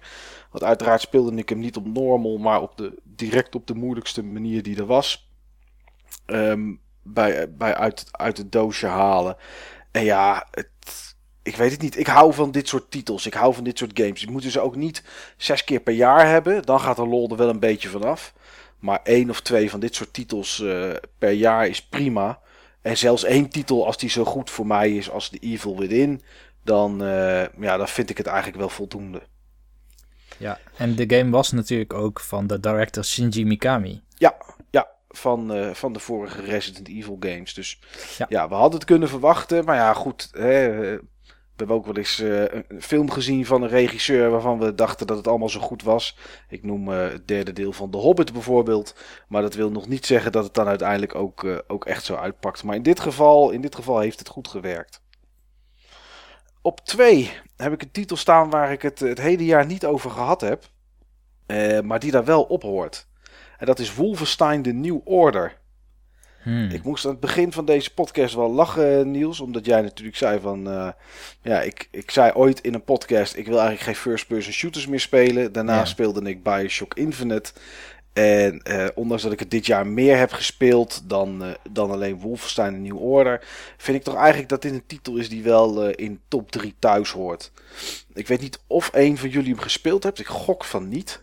Nee, ik niet. Jij, Steve? Ik, ook- ik ook niet. Nee. Ik ook niet. Maar het is, het is vooral... Hij lijkt me wel interessant. Nou, is het ook. Het verhaal is vooral interessant. Het is eh, eh, echt een goed verhaal. Voor een shooter is het een, een bijzonder goed verhaal. Bioshock Infinite en, en de eerdere twee Bioshock games, ja, die daar even buiten gelaten. Dat, dat, ja, dat gebeurt je maar zelden, dat er zo'n verhaal in een eh, first-person shooter zit.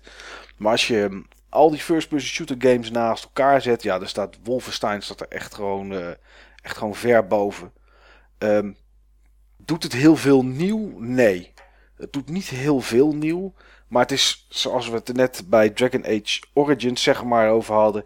Het, wat het doet, doet het wel heel goed.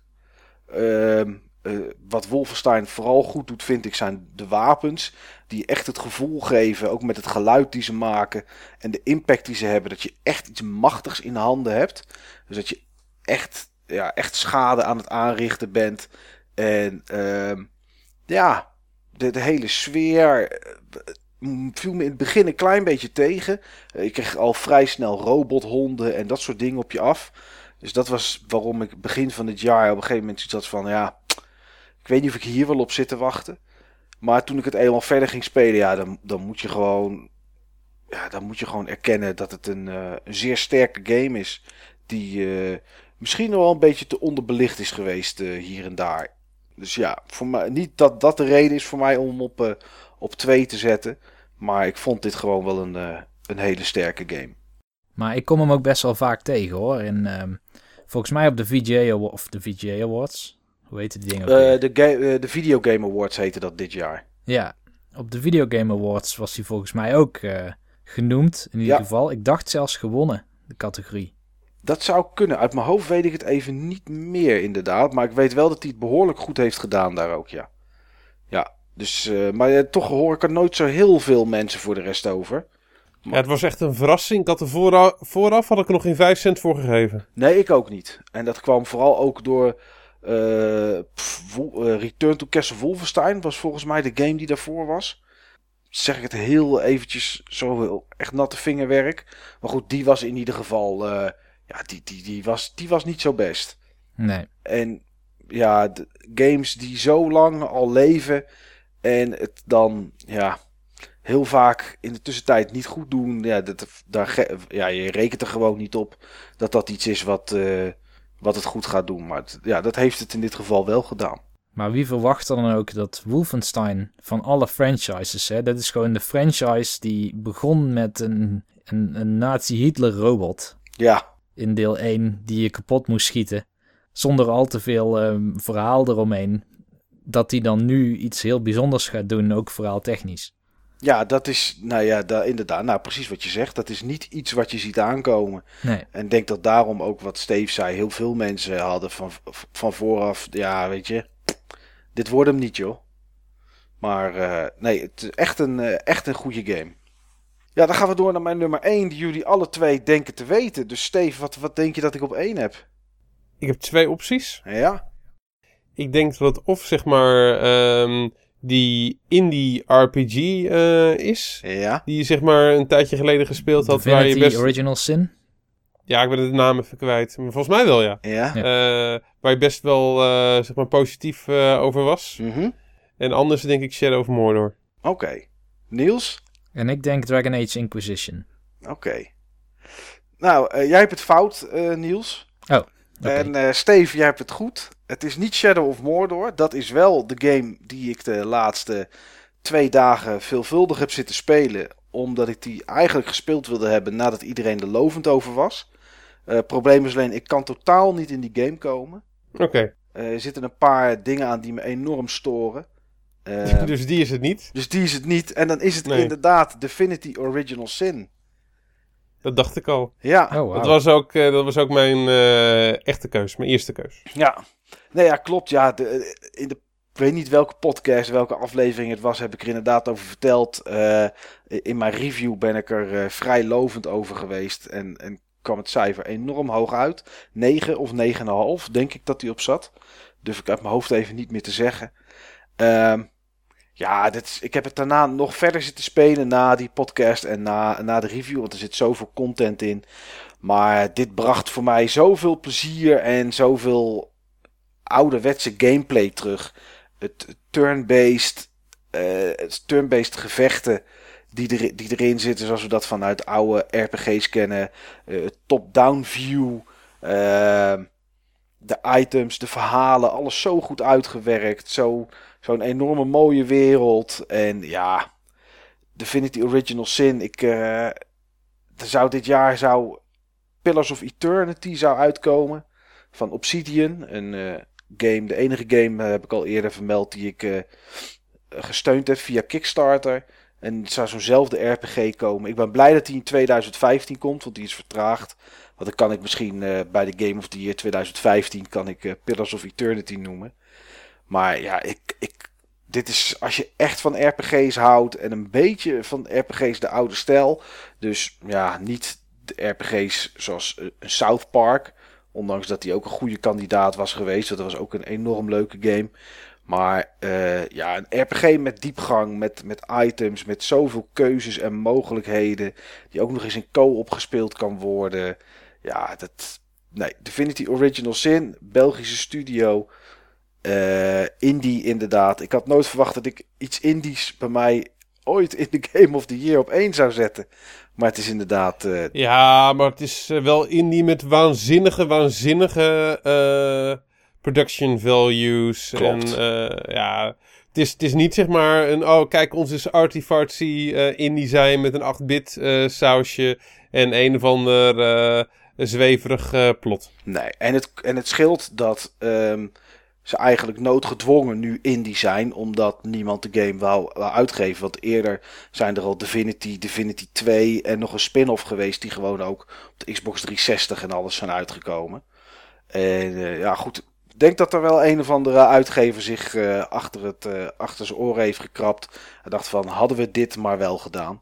Maar ja goed, dat hebben ze niet gedaan. En gelukkig heeft het Larian Studios genoeg faam en, en, geld opgeleverd. Ik zag hem vandaag of gisteren zag ik hem te koop staan in de Steam Store.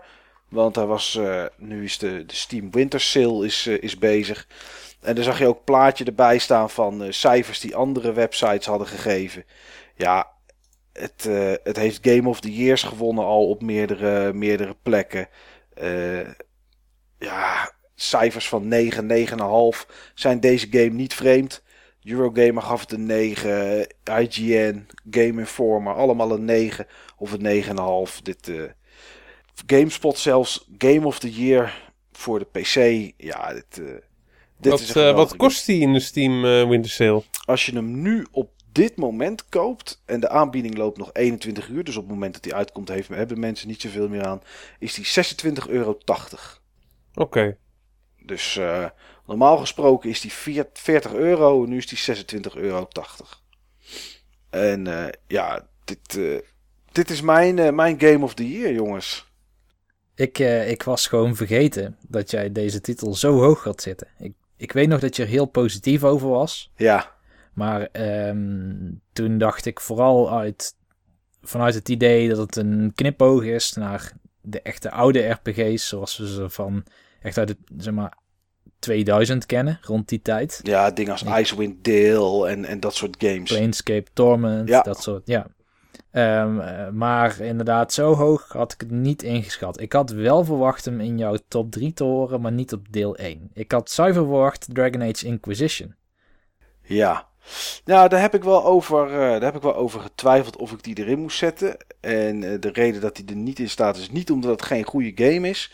Maar ik wilde eigenlijk uit alle genres iets erin hebben zitten. Oké.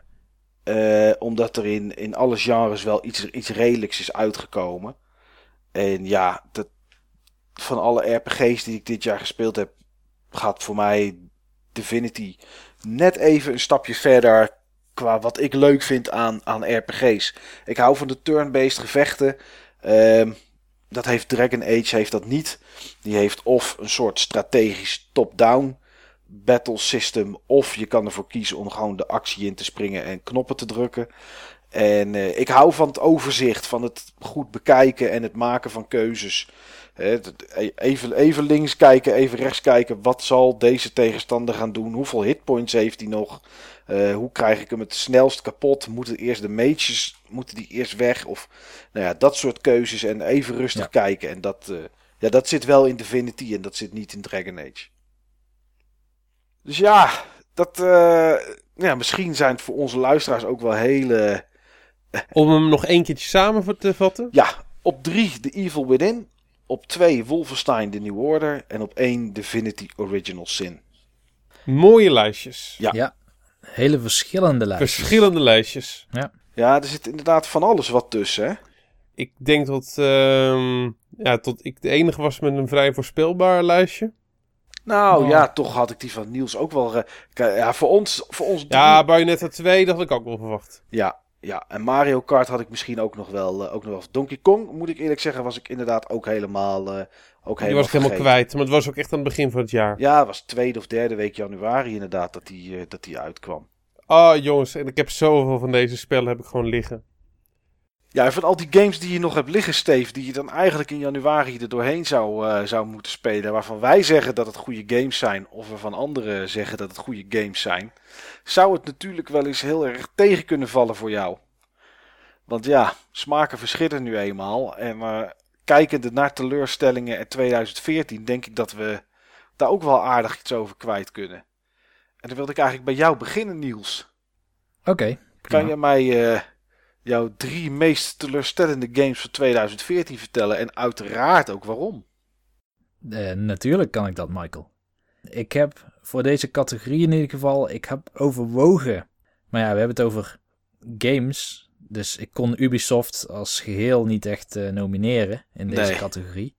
Ehm, ik heb wel alleen games gekozen die ik in ieder geval een beetje serieus heb kunnen spelen. Oké. Dus ehm, Destiny staat er niet in, heb ik wel overwogen. Eh, puur vanuit wat was de belofte dat het zou zijn en wat is het geworden. Zou het een nominatie waard zijn? Maar mijn persoonlijke criteria die laten dat niet toe voor deze top 3. Nee. In ieder geval, ehm, op plaats 3 staat een game die ik eh, vrij recent heb gekocht. Ik denk net voor Sinterklaas ongeveer. Niet dat ik de hoogste verwachtingen ervan had, maar ik wilde toch wel eens zien wat er zo goed was aan die game, omdat die ogenschijnlijk in ieder geval voor mij zo slecht was. En dat is Disney Infinity 2. Oké. Ik heb Disney Infinity 2 heel kort genoemd, vorige keer tijdens de Game Talk. Ja, Toen klopt. zei ik, ik ga het er niet over hebben. En toen zei jij, nee, doe inderdaad maar niet. Ik heb hem ook gespeeld. Ja, Dus het, dat klopt, ja. Het zal je niet verbazen misschien dat ik dit onder de meest teleurstellende games heb geschaard. Nee. Als je in ieder geval een vorm van verwachting had. Ik weet niet wat het is met Disney Infinity 2. Maar om een of andere reden, het ziet er sowieso super brak uit. Ja. Het doet grafisch wel wat trucjes die het er goed uit zouden kunnen laten zien. Ik spotte bijvoorbeeld Screen Space Ambient Inclusion. Dat is iets wat eh, Crysis vroeger op de PC al gebruikte om zeg maar een soort schaduw in eh, voegen te suggereren. En dat werkt heel mooi op de personages. Hè? Dus de personages die zien er ook eigenlijk best wel mooi uit in het spel. Maar daar houdt het dan ook bij op. De omgevingen zijn extreem flats, zou ik bijna willen zeggen. Ik kan Ja. even geen betere term noemen. Nee, flats, flats en vooral leeg en kaal. Ja, en kaal en inspiratieloos. Het leeft niet.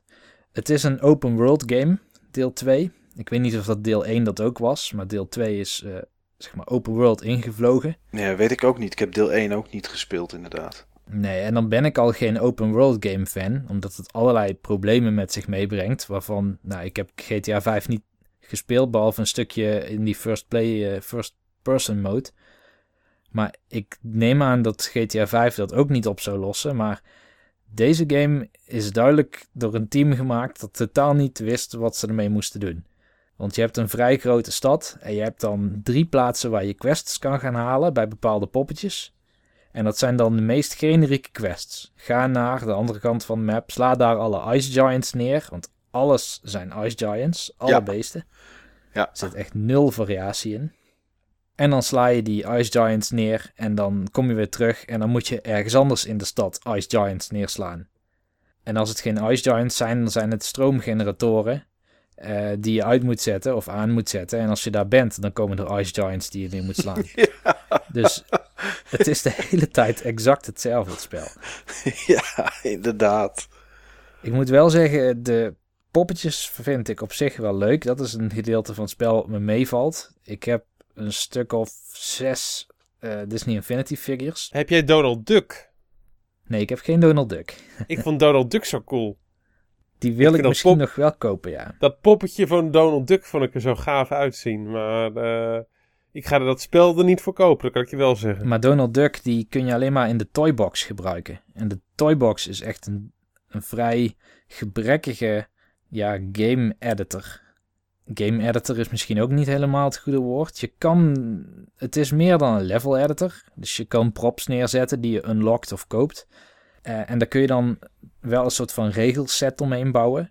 Maar je kan nooit echt iets, iets unieks of iets cools bouwen. Het blijft altijd een soort Disney Infinity iets.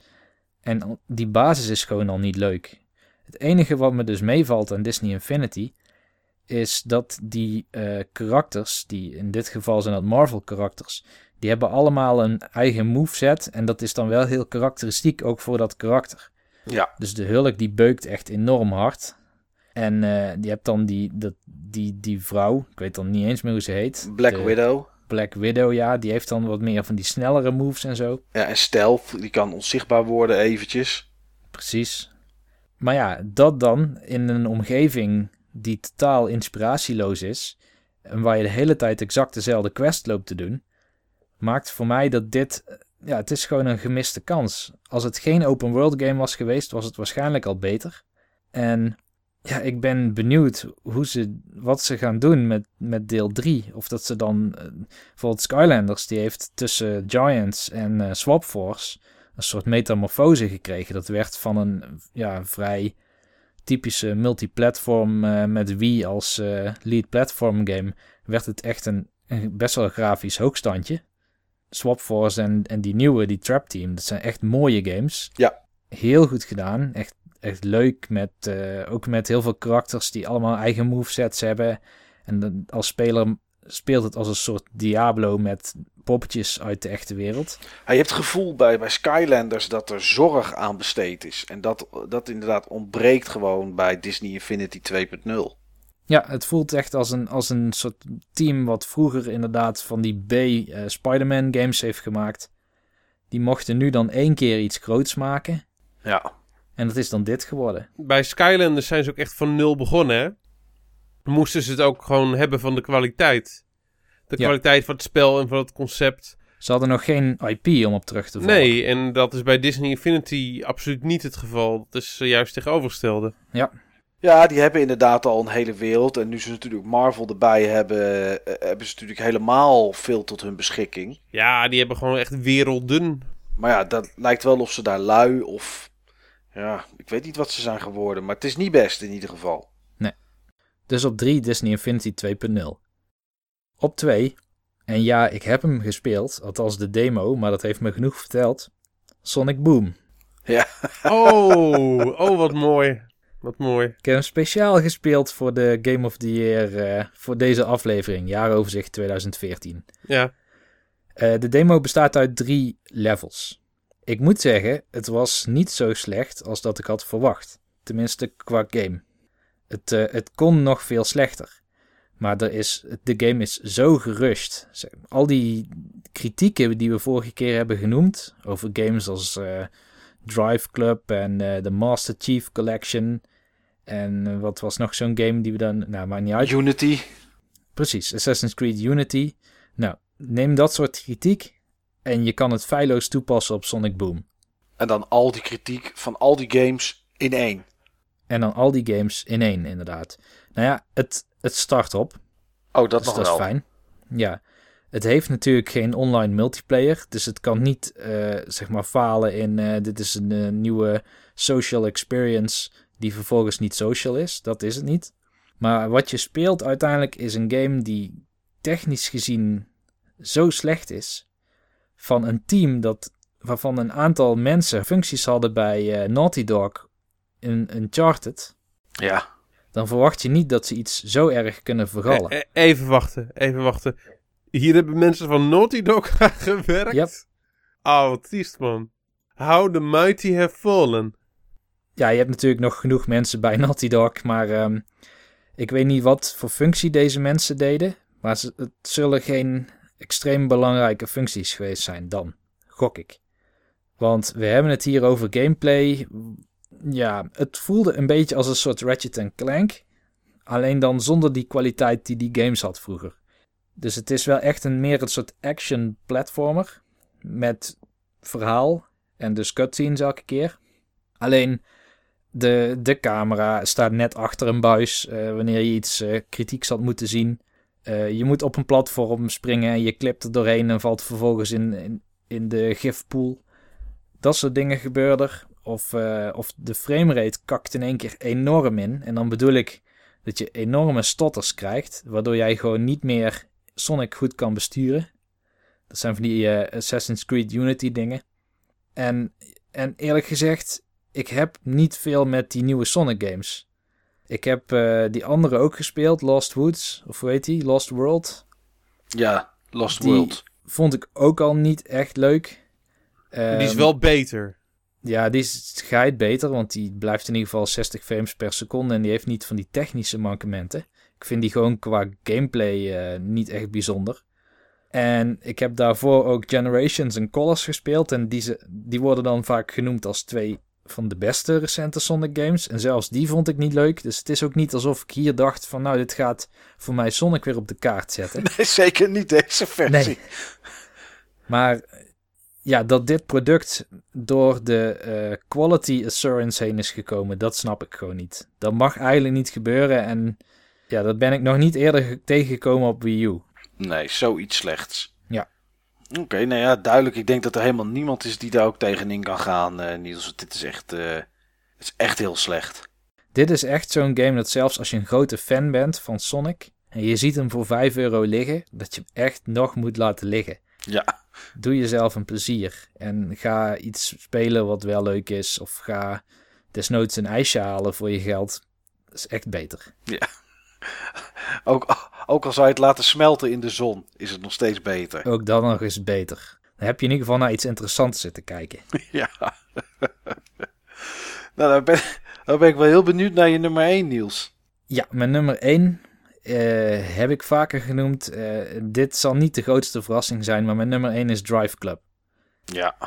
Ondanks dat, um, dat er hier en daar wat gefixt is aan Drive Club en dat het er niet meer uitziet als een PlayStation 1 game, dankzij die patch. Uh, uh, het online gedeelte werkt nog steeds bijna niet. En nu is die game wel echt lang uit. Ja, ja twee maanden. Twee maanden. Dat is voor mij vrij lang, zeg maar. Ja, is het ook. Dat zijn voor heel veel games, behalve iets wat een online component heeft, zijn dat, is dat het moment dat de game niet meer interessant is, omdat er weer wat nieuws uitkomt. Ja, ja. En het verbaast mij om toch nog die game af en toe te zien in mensen een top 10. En uh, het doet het ook heel goed in Engeland.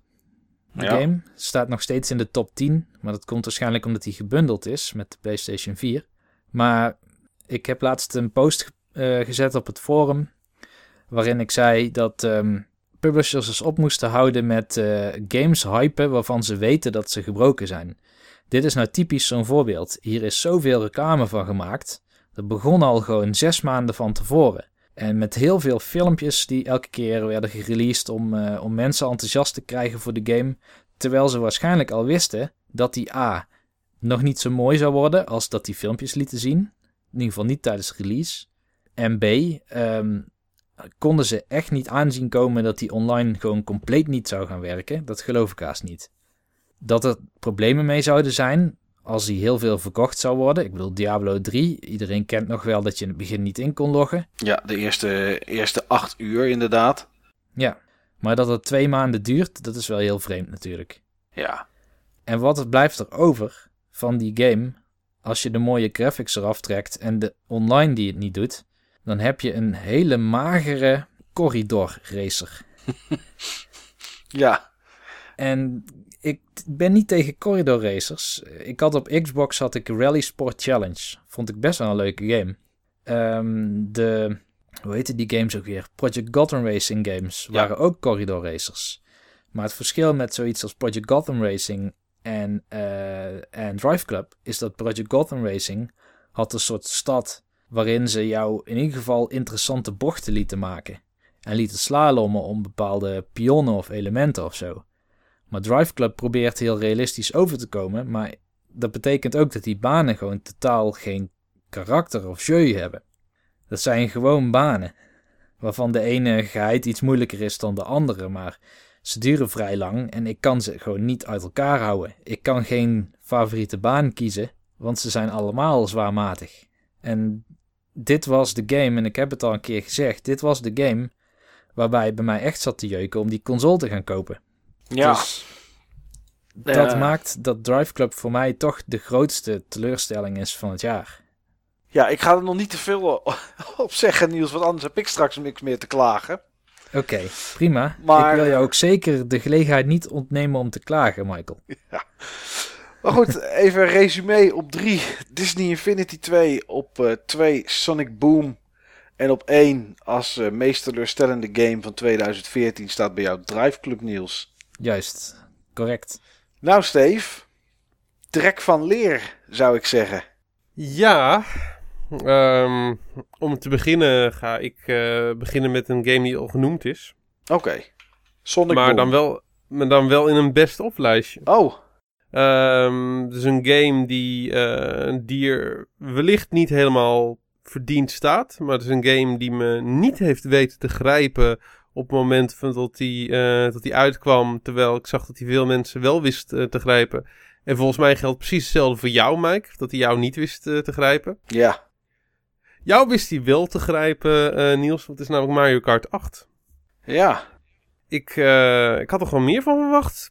Het, het heeft gewoon niet eh, het effect gehad wat bijvoorbeeld Mario Kart 7 wel op me, op me had. Daarvan kon ik gewoon niet stoppen met, met spelen. En Mario Kart 8, ik, ik kon mezelf niet motiveren om weer op te gaan pakken.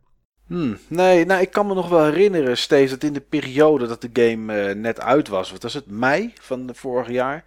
Eh, 22 mei of zo, of 23 mei, zoiets. Ehm, toen speelden we met Buttonbashers bijna elke avond wel van, van 8 tot 9 of van 9 tot 10, daar moet wil ik even vanaf zijn. Speelden we wel een uur Mario Kart met z'n allen. En daar deden soms wel eh 10, 11, 12 mensen aan mee.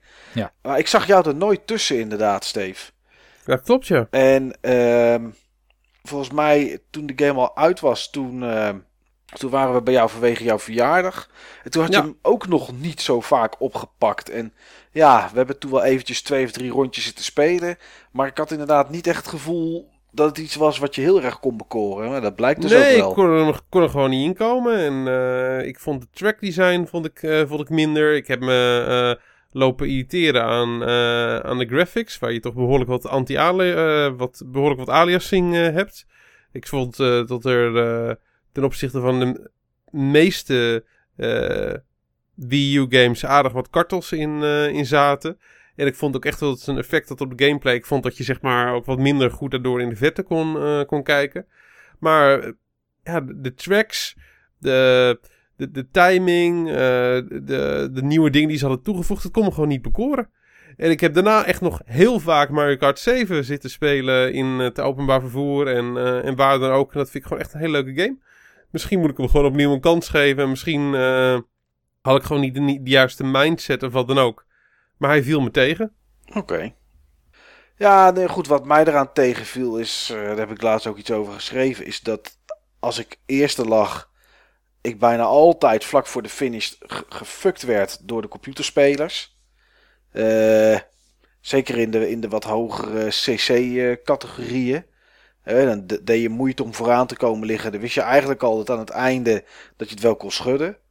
Eh, dat vond ik, er, eh, vond ik er niet zo. eh, vond ik er minder aan. Maar ik kan me wel vinden in wat je zegt, eh, Steve. Ik had vooral dat. Ja, dat gevoel dat ik. ehm, dat het daarna een beetje. Dat het snel doodbloedde. Om, om me heen met die game. Het heeft misschien twee, drie weken was het helemaal, helemaal hip en iedereen speelde het. Ja, daarna viel dat eigenlijk weg. Er zijn ook veel extra Wii U's doorverkocht. Ja. Maar ik heb niet het gevoel dat daardoor de game ook langer bleef leven. Ja, bij Niels dan toevallig wel. Maar goed, die speelt het op een hele andere manier, zoals die net al zei. Hè? Die zit natuurlijk met vier mensen op de bank. Ja. En, en dan is het meer een partygame geworden. Omdat je het, en, en dan kan ik me voorstellen dat het enorm, enorm gezellig en leuk is. Maar ik denk ook niet dat als ik zo meteen klaar ben, als wij klaar zijn met de opname, dat ik naar beneden ga en dat ik dan Mario Kart 8 weer uit de kast trek. Nee.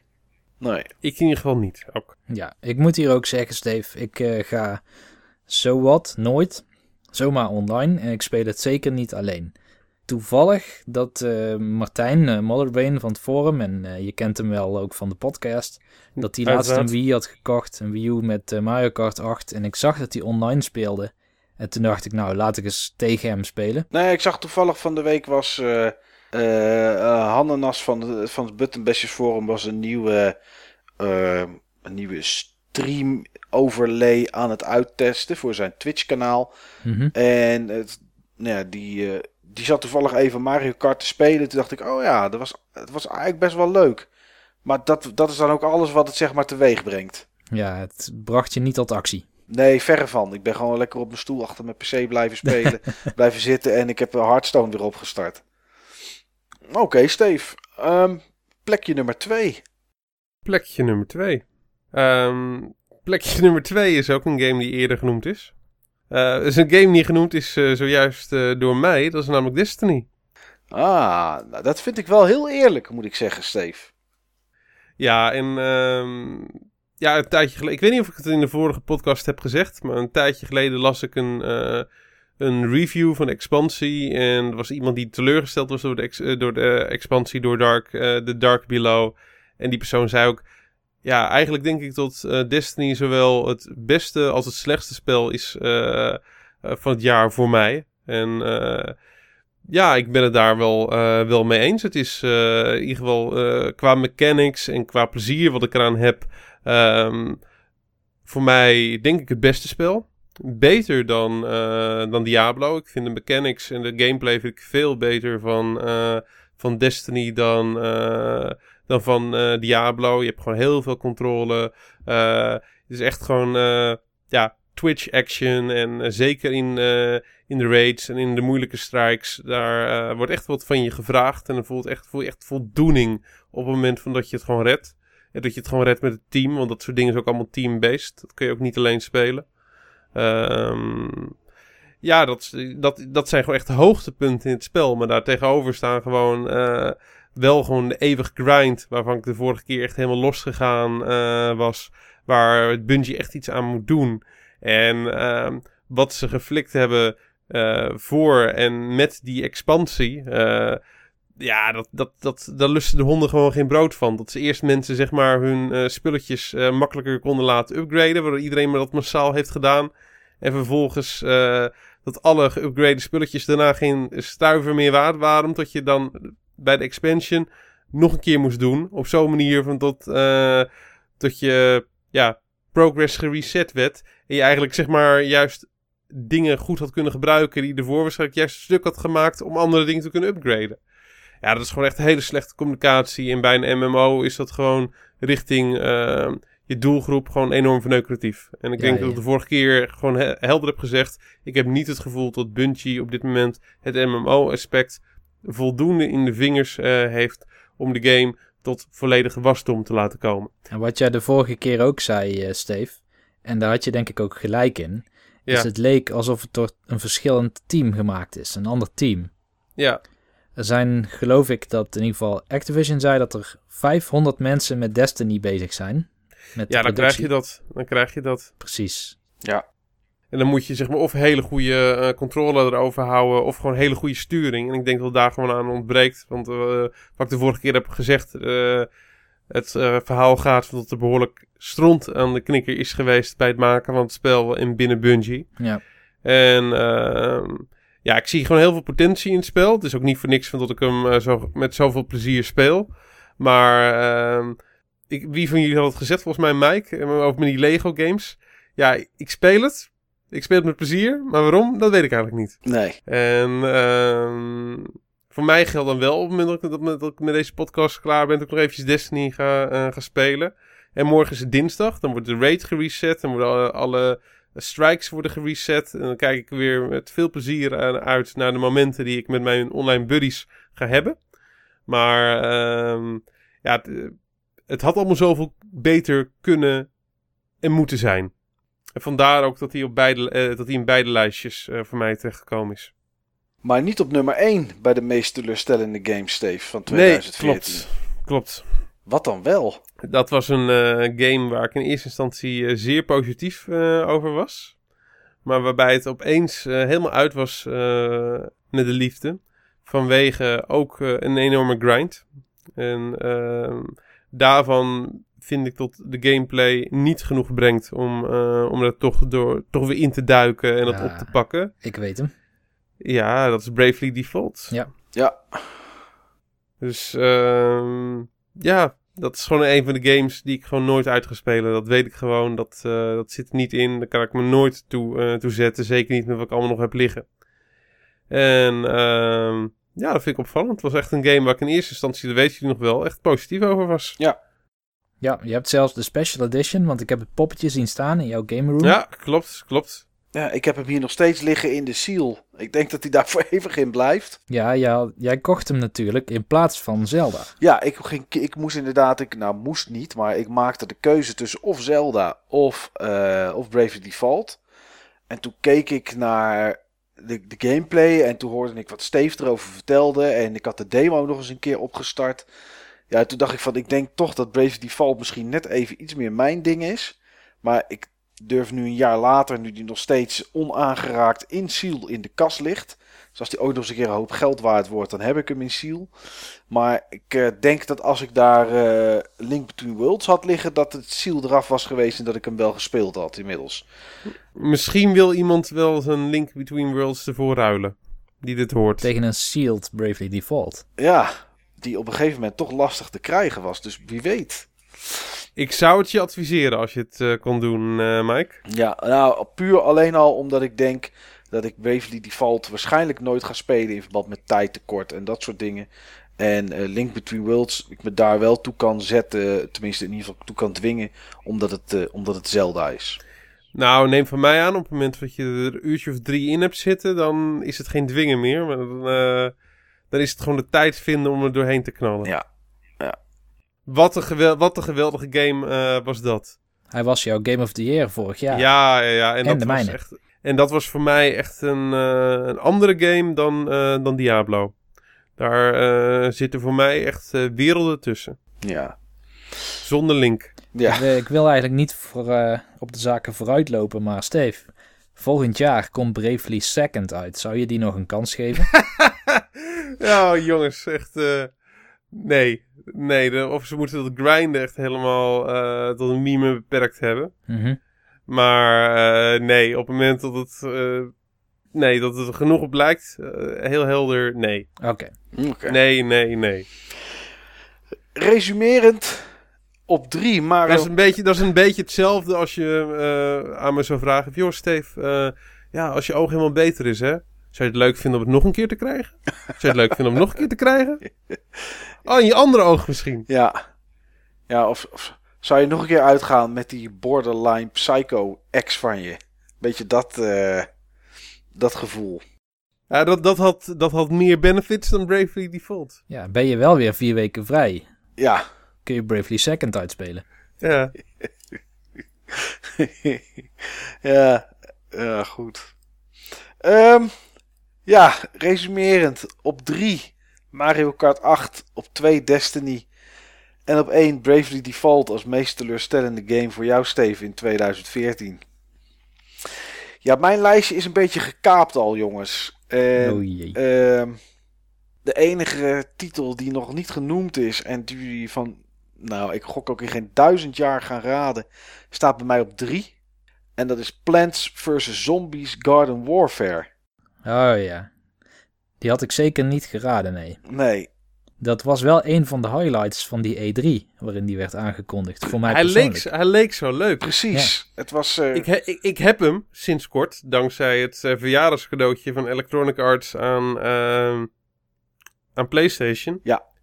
Gratis. Klopt, was die in een weekend was die gratis te downloaden. En eh, inderdaad, de E3 van 2013 begonnen ze ermee. Als eh, naast Peggle 2. Ehm, en ja, toen had ik er zin in. Ik denk, dit, dit is geweldig. Ik vind de Plants vs. Zombie games enorm leuk om te spelen. Ik vind die personages die, die, die ze gemaakt hebben, vind ik grappig. Eh, ja, die hele sfeer bevalt me eigenlijk wel. En toen speelde ik deze game. En ja, ik kan niet anders zeggen dan dat het een, een lege, saaie, zoutloze shooter is geworden. Het is, het is middelmatig. Eh, er zit eh, totaal geen gevoel in van overwinning als je wint.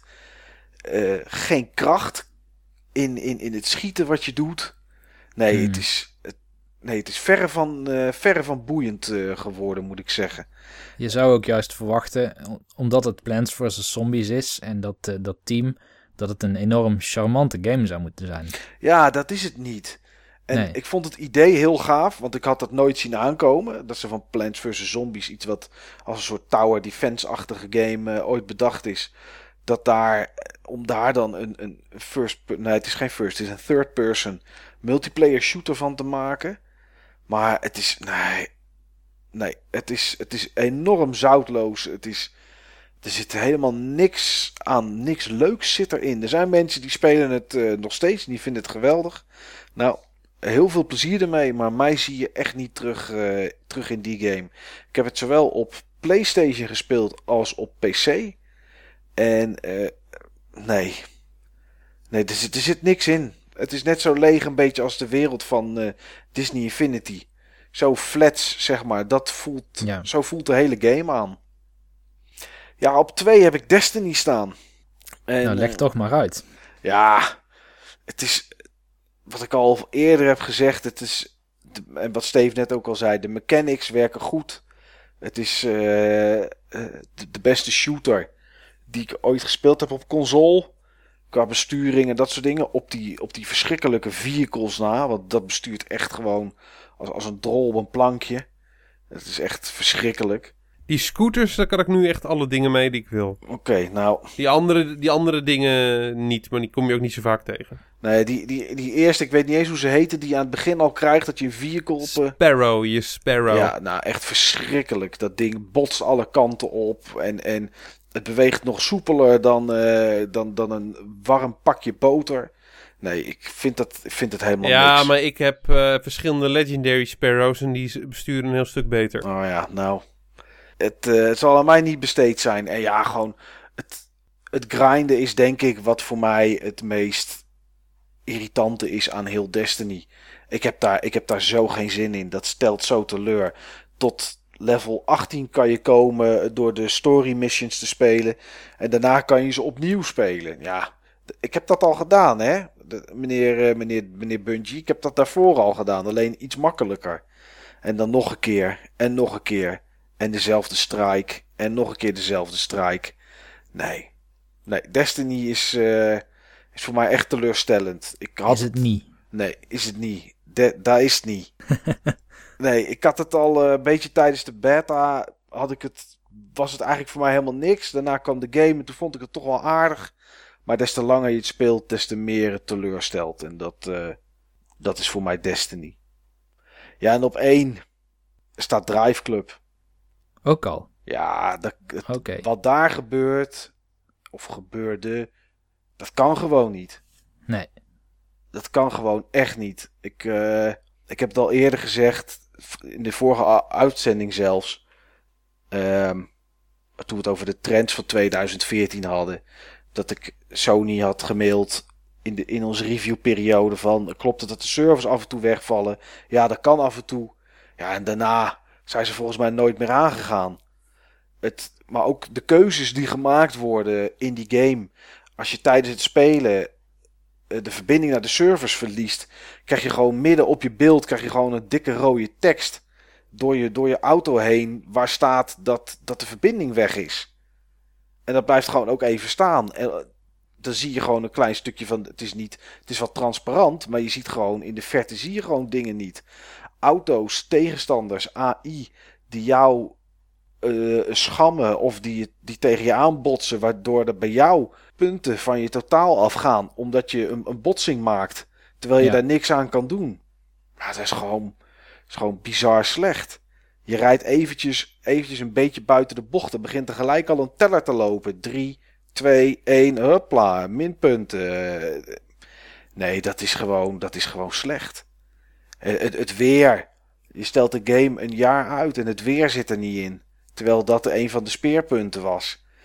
Alles aan die game is gewoon misgegaan. En het is gewoon terecht dat Sony zegt dat ze schaamt.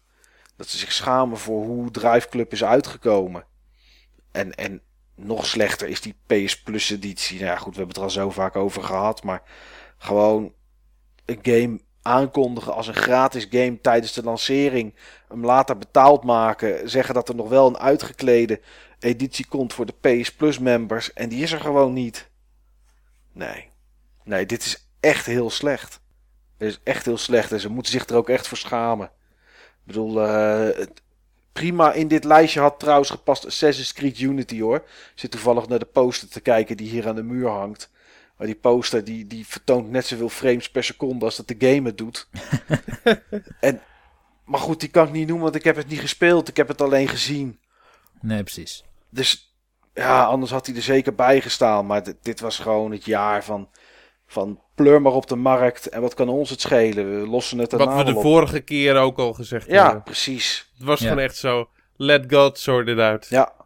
Nou, ja, Drive Club is de, is, de, is de frontman van al dit soort titels. Dus vandaar dat ik die op één heb staan. Als meest teleurstellend. Dus op drie Plants vs. Zombies, Garden Warfare, op twee Destiny en op één Drive Club. Nu zou ik jongens een hele mooie brug kunnen maken naar games waar wij naar uitkijken in 2015, waarvan we hopen dat het geen teleurstelling is. Maar Mhm. ik, ik wilde jullie eigenlijk toch nog een andere vraag stellen over dit jaar. En die hebben jullie niet voorbereid. Maar waar we het in deze uitzending en de vorige uitzending eh, over Next Gen, de stand van zaken, niet over gehad hebben. En iets waar wij toch wel veel mee bezig zijn, is ook retro gamen. Ehm, wat is, Steve, jouw mooiste retro aanschaf van 2014? Zo, daar ben ik even niet op voorbereid. Ehm, Dat weet ik. ja, dat, nee, ik- dat weet ik. Ik weet al wat eh, mijn mooiste retro-aanschaf van 2014 is. En dat is. Dat is mijn, eh, mijn nieuwe ehm minte, ongebruikte GBA Zelda-editie eh, van de Minish Cap. Oké. Ik heb, eh, zeg maar, voor een mooie prijs heb ik zo'n ehm, zo'n special edition van eh, de GBA SP kunnen kopen. Ehm, echt gewoon nieuw, Ja. nieuw. Het ding staat, ik sta er nu naar te kijken, ik zit er nu naar te kijken. Het is gewoon zo'n fucking mooi ding. Het is zo'n super, super mooi doosje en een ding wat erin zit is nog mooier. En eh, Het is toch gewoon enige- zilver met een eh Triforce erop? eh, goud, goud natuurlijk hè. Oh, Goud. Zelda. Ja. Maar eh, nee, dat eh, ja, vond ik een hele mooie aanschaf. Ik heb hem nog niet eens zo heel erg lang. En eh er is één dingetje. Eh, het spelletje zit er niet in. Eh, die moet ik nog eens een keertje kopen. Oké. oké. Die is er ooit een keer uitgevist. Eh, daar wilden de kinderen mee, eh, mee spelen. En die hebben ze toen met de normale SP gespeeld. En eh, ja, eh, die is er niet meer opgedoken. Nee. Maar eh, voor de prijs eh, die ik ervoor betaald heb, koop je geen Zelda GBA in deze kwaliteit. Oké. Verder is er nog een game die ik per se wil noemen. Ik heb hem snel eventjes bijgepakt. Ehm, dat is een PC Engine game die ik echt zo origineel en, en grappig vond. Dat ik me ook toen eh, genoemd heb eh, in een eh, podcast een paar uitzendingen terug. Dat is eh Geikisha Boy. Oh ja. Ja, dat zeg maar waarin je zeg maar een rioolfotograaf speelt. En dat je van, zeg maar, van allerlei bizarre dingen die gebeuren om je heen ja, foto's moet maken. Precies op het juiste moment. Ja, ja, dat was een hele, een hele aparte. Dat was een van de meest bizarre Japanse games die je ooit gespeeld had. Zoiets was het, hè? Ja, Steve? man, echt geweldig. Ja. Geweldig. En ehm, ja, dat waren wel mijn twee beste, ja, beste games die ik zeg maar, twee beste retro items die ik heb aangeschaft. Ehm, wil ik graag ook nog het beste retro item spe- eh, noemen wat ik heb gespeeld. Ja, Ehm, dat heb ik gespeeld toen ik eventjes een weekje thuis zat met griep. Eh, Super Metroid. oké. Voor de E SNES. Ja. Man, wat was dat een goed spel. Echt een goed spel. Ja, we hebben het erover gehad. Ja. Ja, ik heb het nog nooit gespeeld. Ja, nou ja, dat zijn mooie, mooie, mooie retro eh, items, om het zo te noemen, Steve. En jij, Niels? Ehm, bij mij is het heel makkelijk. Ik wist meteen wat ik moest zeggen. Ja, En dat is de PC Engine. Dat is mijn beste retro aankoop.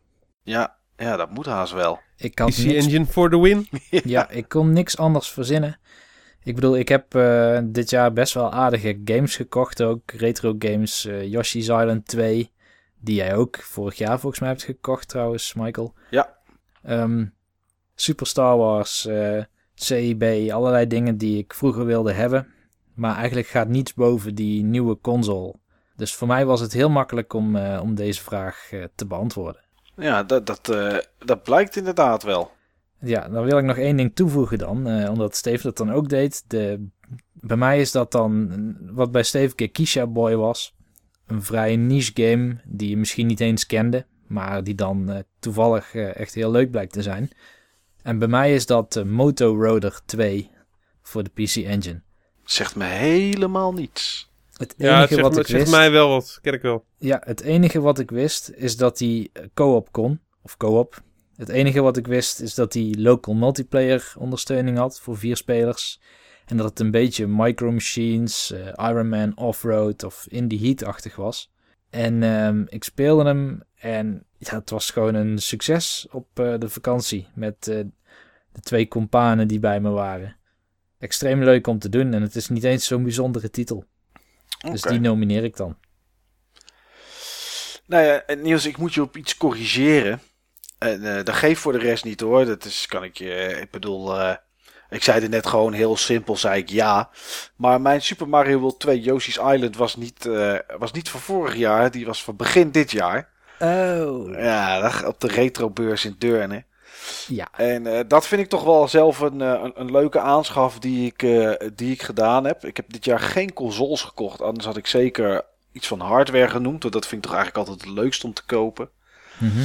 En ja, twee andere titels waarvan ik eigenlijk wel blij ben dat ik ze opgepikt heb, zijn alle twee PlayStation 2 titels. En dat is Haunting Ground en Maximo versus Army of Zin. En ik heb ze alle twee laatst nog heel even zitten spelen. Niet lang genoeg om, om ze uit te spelen, maar gewoon zo eventjes een, eh, even een paar uurtjes. En ik vind dat toch beide erg leuke titels. Ik vind de eerste Maximo beter. Dat wel. Maar eh, ja, goed, die heb ik niet gekocht, dus die kan ik ook niet, eh, die kan ik dan ook niet noemen. En nou ja, Steve had net al een game die hij gespeeld heeft, die hij wilde noemen. en, jij ook. Ik heb één game die ik eigenlijk wel als teleurstellend zou willen noemen. Een retro game die ik dit jaar voor het eerst gespeeld heb. En dat is eigenlijk Goof Troop. Oh, oké. En eh, Goof Troop is, is een leuke game en is een leuke co-op game. Van dezelfde maker als The Evil Within. Ja, maar ik vond het veel te makkelijk. Ik vond het echt, ik wist wel dat het niet moeilijk was. En ik heb ook Ja. wel speedruns gezien van, eh, weet ik veel, 50 minuten of zo. Misschien zijn er snellere speedruns hoor, maar binnen een uurtje, als je weet wat je moet doen, kan je het wel uitspelen. Maar ja, er Zeker. zijn ook mensen die Metroid eh, binnen een uurtje uitspelen. Dus weet je, dat zegt mij niets totdat ik het zelf speel. Maar ik geloof dat ik om 11 uur begon en dat we om eh, even, even over, even voor tweeën zaten we, zaten we aan de gehaktballen. Dat was, eh, dat was zo snel gebeurd. Ik eh, heb wel redelijk vermaakt. Maar als ik het nooit had gespeeld, dan denk ik niet dat ik daar heel erg verdrietig om was geworden. Dus voor mij wil ik die dan eventjes even noemen. Ja, dan nu terug naar, eh, naar de afsluiter van deze, van deze podcast. En dat is eh, 2015, mannen. We weten inmiddels eh, redelijk wat games die uitkomen. Redelijk wat games die zijn verschoven. Maar ja, Zit daar dan toch nog iets bij, Niels, waarvan je in 2015 zoiets hebt van daar let ik extra op als dit uitkomt? Ja, dat zit er zeker bij. En ehm, om maar met de deur in huis te vallen. Op eh, de derde plaats staat technisch gezien niet een game die in 2015 uitkomt. Oké. Maar dat is eh, de DLC van Mario Kart 8. ja. ja, die hadden we moeten zien kunnen aankomen, Steve. Het is natuurlijk mijn eh, bijna Game of the Year. En ja, ik beleef daar persoonlijk zoveel plezier aan. Ik vind het jammer dat het niet bij iedereen als dusdanig overkomt. Maar zo is het gewoon. Ja. Um, ik heb zoveel zin nu al in al die potjes die ik met vier spelers local ga doen. Um, en dan 32 banen achter elkaar. Of ik hoop zelfs dat uh, Nintendo een patch released. Of misschien komt dat met die DLC. Dat je alle banen kan. Want je kan nu nog steeds maar 32 banen. Wat eigenlijk gelijk staat aan het aantal banen van de game zoals je hem op CD koopt. En die 16 nieuwe banen zitten daar nog niet in. Oké. Maar als er straks nog een keer 16 banen uitkomen, dan zou ik willen dat je alle banen achter elkaar kan spelen. Dat je 2,5 uur lang op het puntje van je stoel zit. Behalve als je ergens uh, helemaal achteraan staat en uh, geen kans meer hebt op winnen. Dat, uh, komt eigenlijk nooit voor bij mij, Steve. Nou, ik, ik merk altijd... Jij niet, jij niet. Nee, maar het is wel zo als je ik, denk, ik denk ook aan die andere, Ik denk ook aan die andere mensen, zeg maar, op jouw bank. Ja, maar als je achteraan ligt en je, dan heb je toch meer kans op de, op de kogel, op de bullet, als, als item of uh, als, die, als, die, als die piranha plant. Dan... Ja, maar op het moment dat er een gat is van, uh, van 80 punten en uh, je moet nog, je moet nog 15 tracks. Ja, dan wordt het lastig. Van, ja, joh, ja. Nou, kijk, hoe wij het vaak spelen. Wij spelen sowieso 150 cc, alle items en CPU's op moeilijk. En uh, wij nerven onze kansen.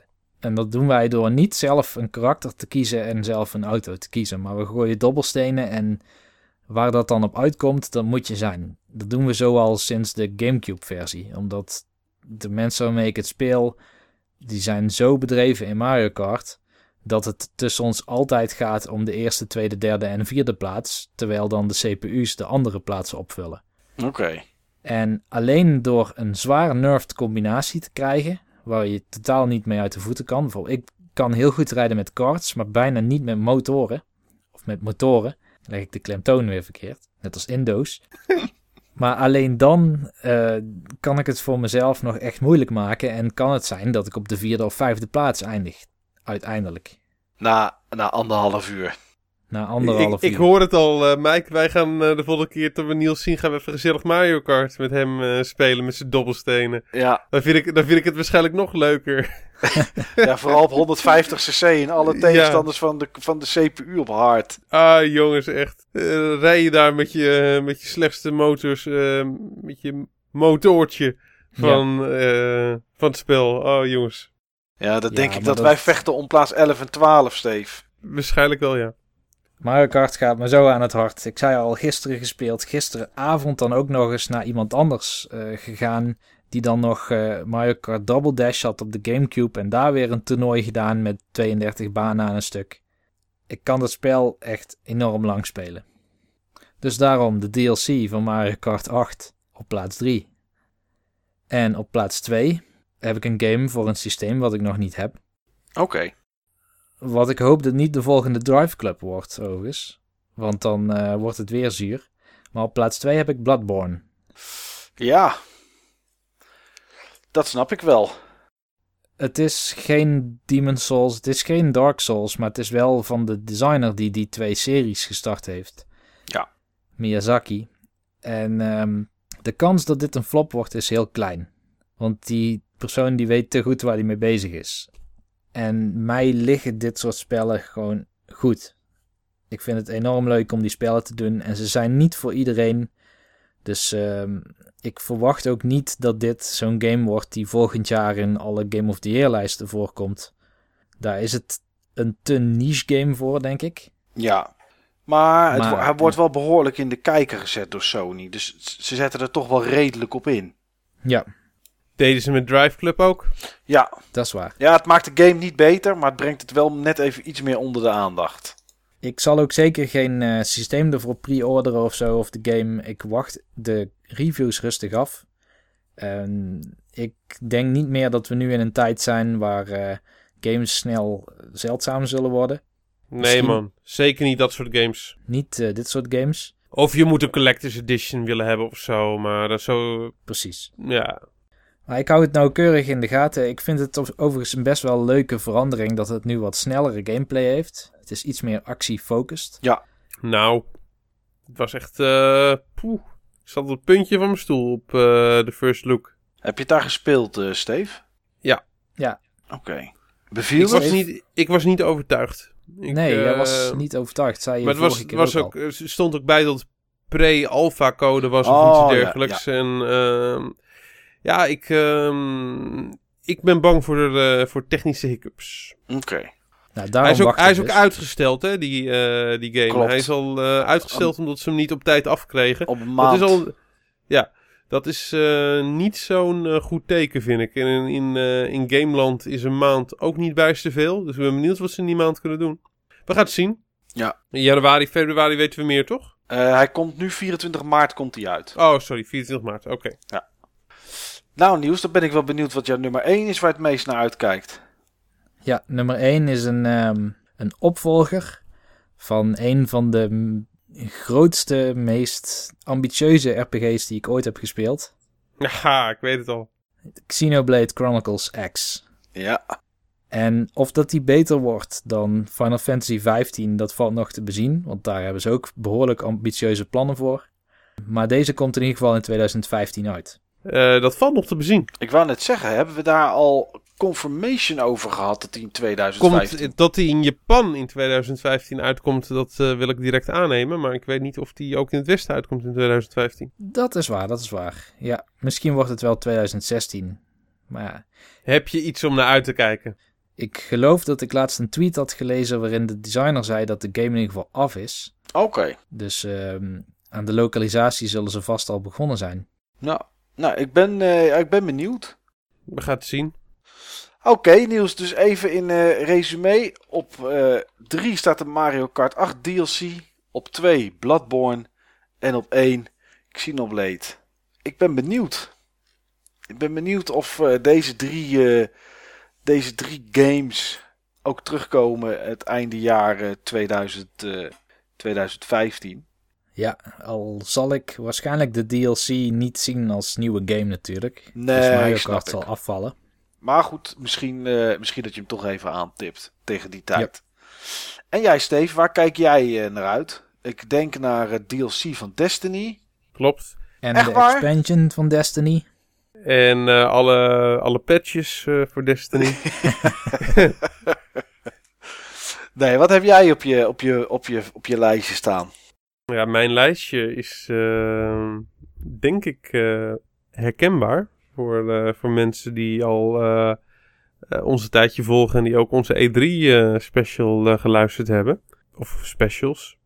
Ehm, op drie heb ik een game die eerst hoger heeft gestaan, maar waarvan ik toch wat twijfel heb bij de richting die de game in ieder geval grafisch genomen heeft. Dat is The Witcher. Witcher eh 3, The Wild Hunt.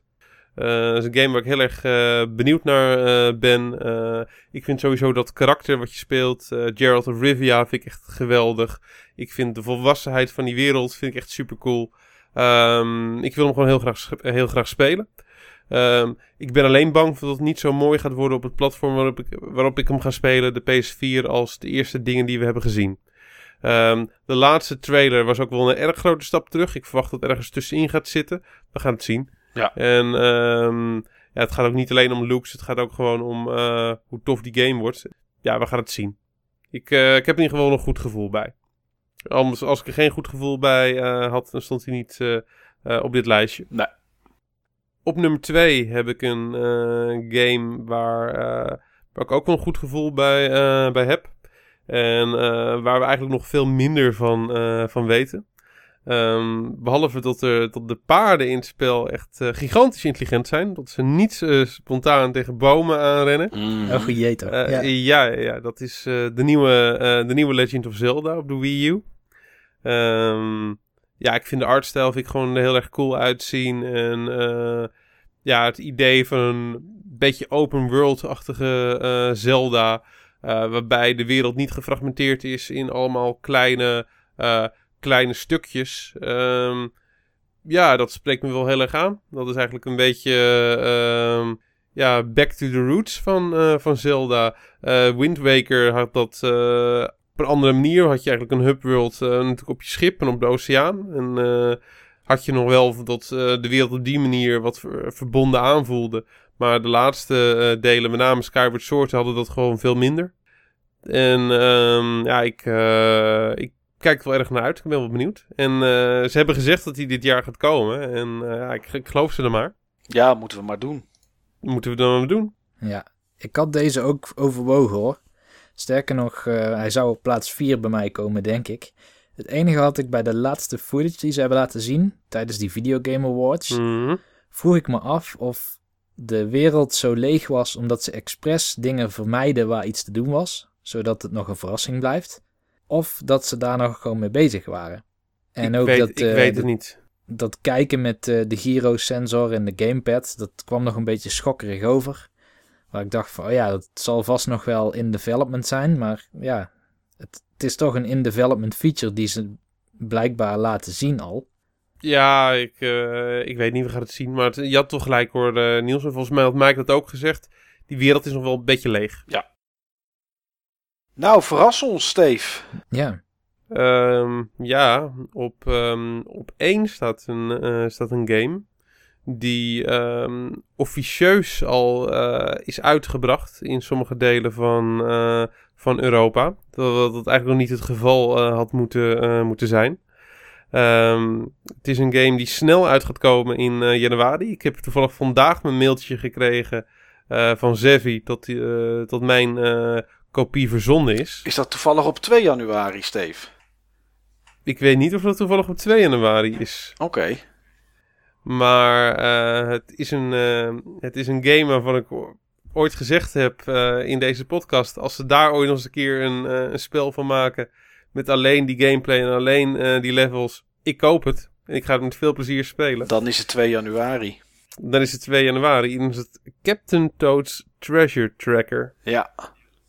En ehm, daar ga ik voor ve- met veel plezier mijn eh, Wii U eh, voor, eh, voor opstarten weer. En ehm, daarvan weet ik nu al zeker dat ik het leuk ga vinden. Oké. oh wauw. Eh, Ik hoor het graag, Steve. Hoe eh, jouw kijk eh, erop is. Mijn kijk kennen we natuurlijk. Ja, ja, kijk, kennen we. En eh, ja, ik, ik hou daarvan, joh. Het is, ik word er vrolijk van. En ik, ik kan het wel weer eens even gebruiken in een game. ja. Nou ja, Ja. De, de stemming die jij nu hebt, had ik van tevoren ook. Kijken of het bij jou recht, rechter overeind blijft staan. Maar eh, nou ja, dat zullen we begin januari ergens wel horen in een, in een volgende podcast. Ja, Ik eh, hoop zeker dat het je goed bevalt, want tot nu toe is Michael vrij succesvol geweest. In de zin dat ik eh, al vergeten was dat hij uitkwam, omdat hij al niet meer op mijn eh, netvlies lag. Oké. Nou, wie weet kan Steve hem daar, daarop terug projecteren, Niels. Yep. Kijkende naar jouw lijstje, Steve, komen we uit op 3 bij The Witcher 3. Op 2 de nieuwe Zelda. En op 1 Captain Toad Treasure Tracker. Ehm, ja, ik heb ook drie games staan. Ik heb er eigenlijk alleen geen nummertjes bij. En de reden is dat ik naar alle drie de games enorm uitkijk.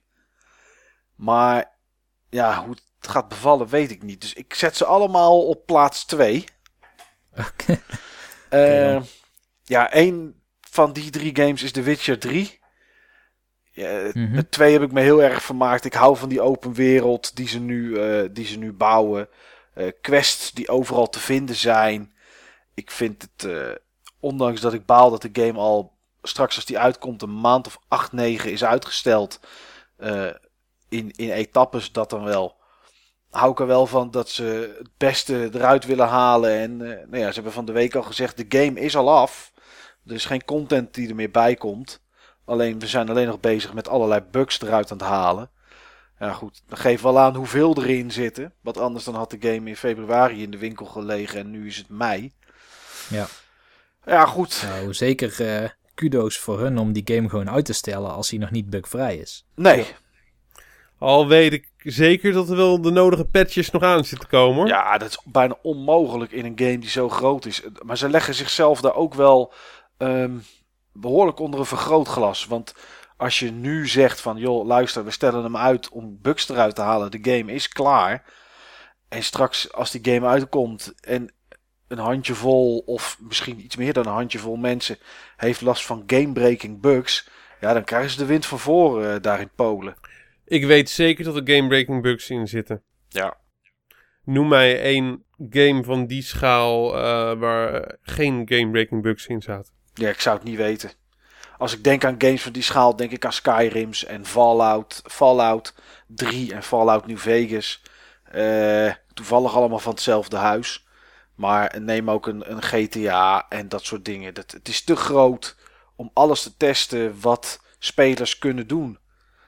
Dus ja, ja we gaan. Ja, ik weet niet precies wat de schaal is van The Witcher 3. Uh, enorm groot. Ik, ik, heb, ik weet even niet wat de vergelijkingen is. Maar uh, voor zover ik het even uit mijn hoofd zeg, is het in ieder geval groter dan Skyrim. Oké. Okay. Uh, ja. het, is, het is echt heel gigantisch. Uh, een andere titel die op 2 staat samen met The Witcher 3 is Batman Arkham Knight. Die had ik verwacht. Ja, dat had ik voor de uitzending al gezegd. Ja, ja ik, ik, Batman Arkham Asylum en Batman Arkham City, het zijn gewoon stuk voor stuk geweldige games. Met enorm veel gameplay elementen, eigenlijk net zoals bij The Witcher 3. Uh, ja, dit, ze kunnen eigenlijk bij Rocksteady kunnen ze eigenlijk weinig fout nog doen. En uh, wetende van mensen die het gespeeld hebben met onderdelen als de Batmobile en dat soort zaken in, dat schijnt echt enorm gaaf te zijn. Dus dit is wel, uh, ja, is een game waar ik wel echt naar uitkijk. Van alle games die we tot nu toe hebben genoemd voor 2015 is, als ik eerlijk ben, um, dit de game die ik het minst uh, snel zie falen. Dat denk ik ook. Ja. Ja, en de derde game waar ik heel erg naar uitkijk. Ik weet niet of jullie willen gokken, jongens. Um, poeh. Nou, ik zal het maar gewoon zeggen. Want ik denk niet dat je het, uh, dat je het gaat raden. Het zou uh, Pillars of Eternity kunnen zijn. Omdat ik daar, daar straks ook over had. Het zou, uh, het zou de nieuwe Zelda zomaar kunnen zijn natuurlijk. Omdat ik Zelda toch altijd wel heel tof vind. Maar het is Mortal Kombat X. Hé, verdomme. Verdomme, dat die had, die had ik in mijn kop. Ja. Op de een of andere uh, foute manier. Die had ik gewoon in mijn kop. Ja. Hé, waarom heb ik dat nou niet gezegd? Ja, dat weet ik ook niet, kerel. Uh, ja, ik vind Mortal Kombat de gaafste fighter-reeks die er is. Ook de reeks waar ik gewoon het meest plezier aan beleef. Het is niet, ondanks dat ik Soul Calibur ook hoog heb zitten. Net zoals jij, Steve, behalve na deel 5. Ja. Um, en we hebben, nog niet, we hebben het nooit gehad over dat uh, free-to-play deel, wat echt afschuwelijk schijnt te zijn. Nee, dat heb ik ook nooit gespeeld, gelukkig. En dat, uh, nee, daar, daar ben ik inderdaad ook ver van gebleven. Ja, Mortal Kombat heeft voor mij na deel 9, zeg maar, die gewoon Mortal Kombat heette, een enorme comeback gemaakt. Het was namelijk een enorm goed deel. Uh, Injustice Gods Among Us vond ik niet zo tof. Maar dat kwam ook mede door... Uh, ja, door de keuzes die gemaakt moesten worden. Geen finishing moves, zoals we de fatalities kennen of, of wat dan ook. Want dat mocht natuurlijk niet. Uh, de superhelden mochten niet dood of kunnen niet dood, dus geen fatalities. Dus elk gevecht eindigde met een, met een soft, soft klapje en dan was het klaar. Dus dat vond ik daar heel jammer aan. Maar ja, van alles wat ik gezien heb, van, van filmpjes en, en de bruutheid en hoe het er grafisch uitziet. Ja, dat moet gewoon een toffe game worden. Ik, uh, tenminste, ik hoop het in ieder geval. Ja. ja ik zou dan persoonlijk eerder voor uh, Street Fighter 5 gaan. Maar hij lijkt me ook wel tof. Ja, nee, dat heb ik, dat heb ik niet. Ik weet niet waarom niet, maar ook Street Fighter 4 was niet helemaal mijn ding. Dus ik, uh, ik zit toch meer aan de Mortal Kombat kant in dit geval. Weet je wat ik jammer vind eigenlijk? Een soort trend van de nieuwe fighters. En dat hebben ze ongeveer allemaal. Het is dat, uh, dat je nu van die moves hebt en die zetten de game stil voor de andere spelers. Ja.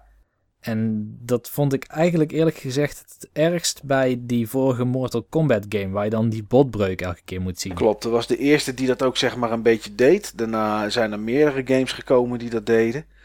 Maar ehm, dat is ook hinderlijk. Eh, de eerste keer is het gaaf. Want dan doe je zo'n move en dan ben je benieuwd hoe die eruit ziet en wat er gebeurt. Ja. Maar ja, als je op een gegeven moment 40, 50 potjes hebt gespeeld en elke keer gebeurt dat. Ja, ik snap wel dat dat, dat is heel, heel irritant. Dus ik weet niet hoe erg dat in Mortal Kombat X gaat zijn. Maar uh, ik weet niet hoe, Nee. hoe vaak je zo'n move kan spammen, zeg maar, op een gegeven moment. Maar uh, ja, ik ben, ik ben er gewoon heel erg benieuwd naar. Dat is uh, zoiets als dat, dat ja, dat, daar kan je me voor wakker maken. Ja. Daar ben ik wel, uh, daar ben ik wel benieuwd naar. Ja, dat lijstje nog eventjes resumerende. Op drie niks, op één niks. En op een gedeelde, gedeelde tweede plaats Batman Arkham Knight, Witcher 3 en Mortal Kombat X. Nu jullie het toch allebei uh, over Witcher 3 hebben gehad. Ja. Wist je dat uh, Fantasy Flight Games een officiële The Witcher board game heeft uitgebracht? Ja. Die nog best wel goed schijnt te zijn ook. Ja, ik heb hem gezien. Ik heb de foto's ervan gezien. Uh, maar jij hebt hem vast niet staan, Niels.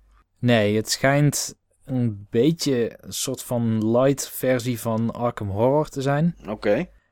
En uh, ja, dat is wel een van mijn favoriete bordspellen. Ja. Maar een light versie ervan zou ik niet hoeven spelen. Oké. Okay. Ja, omdat jij natuurlijk de niet light versie zeg maar al, uh, Precies. al speelt. Ja, ja. ja. Ja ik ben benieuwd. Ik, uh, ik heb wel als, als goed voornemen voor 2015 als het om games gaat... dat ik een keer ergens in 2015 een keer dat met jou wil spelen, Niels. Uh, Arkham Horror. Arkham Horror, ja. Dat gaan we zeker regelen. Ja. Ik heb je de... En Steve komt dan ook. Is dat ook wat voor mij, denk je, Niels? Dan ben ik er ook graag bij. Ja, ja, ja.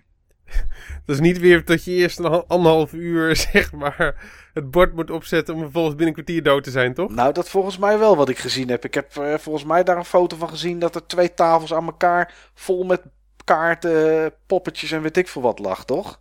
Ja, dat klopt, zeg maar. Het is best wel een uh, opzetfestijn.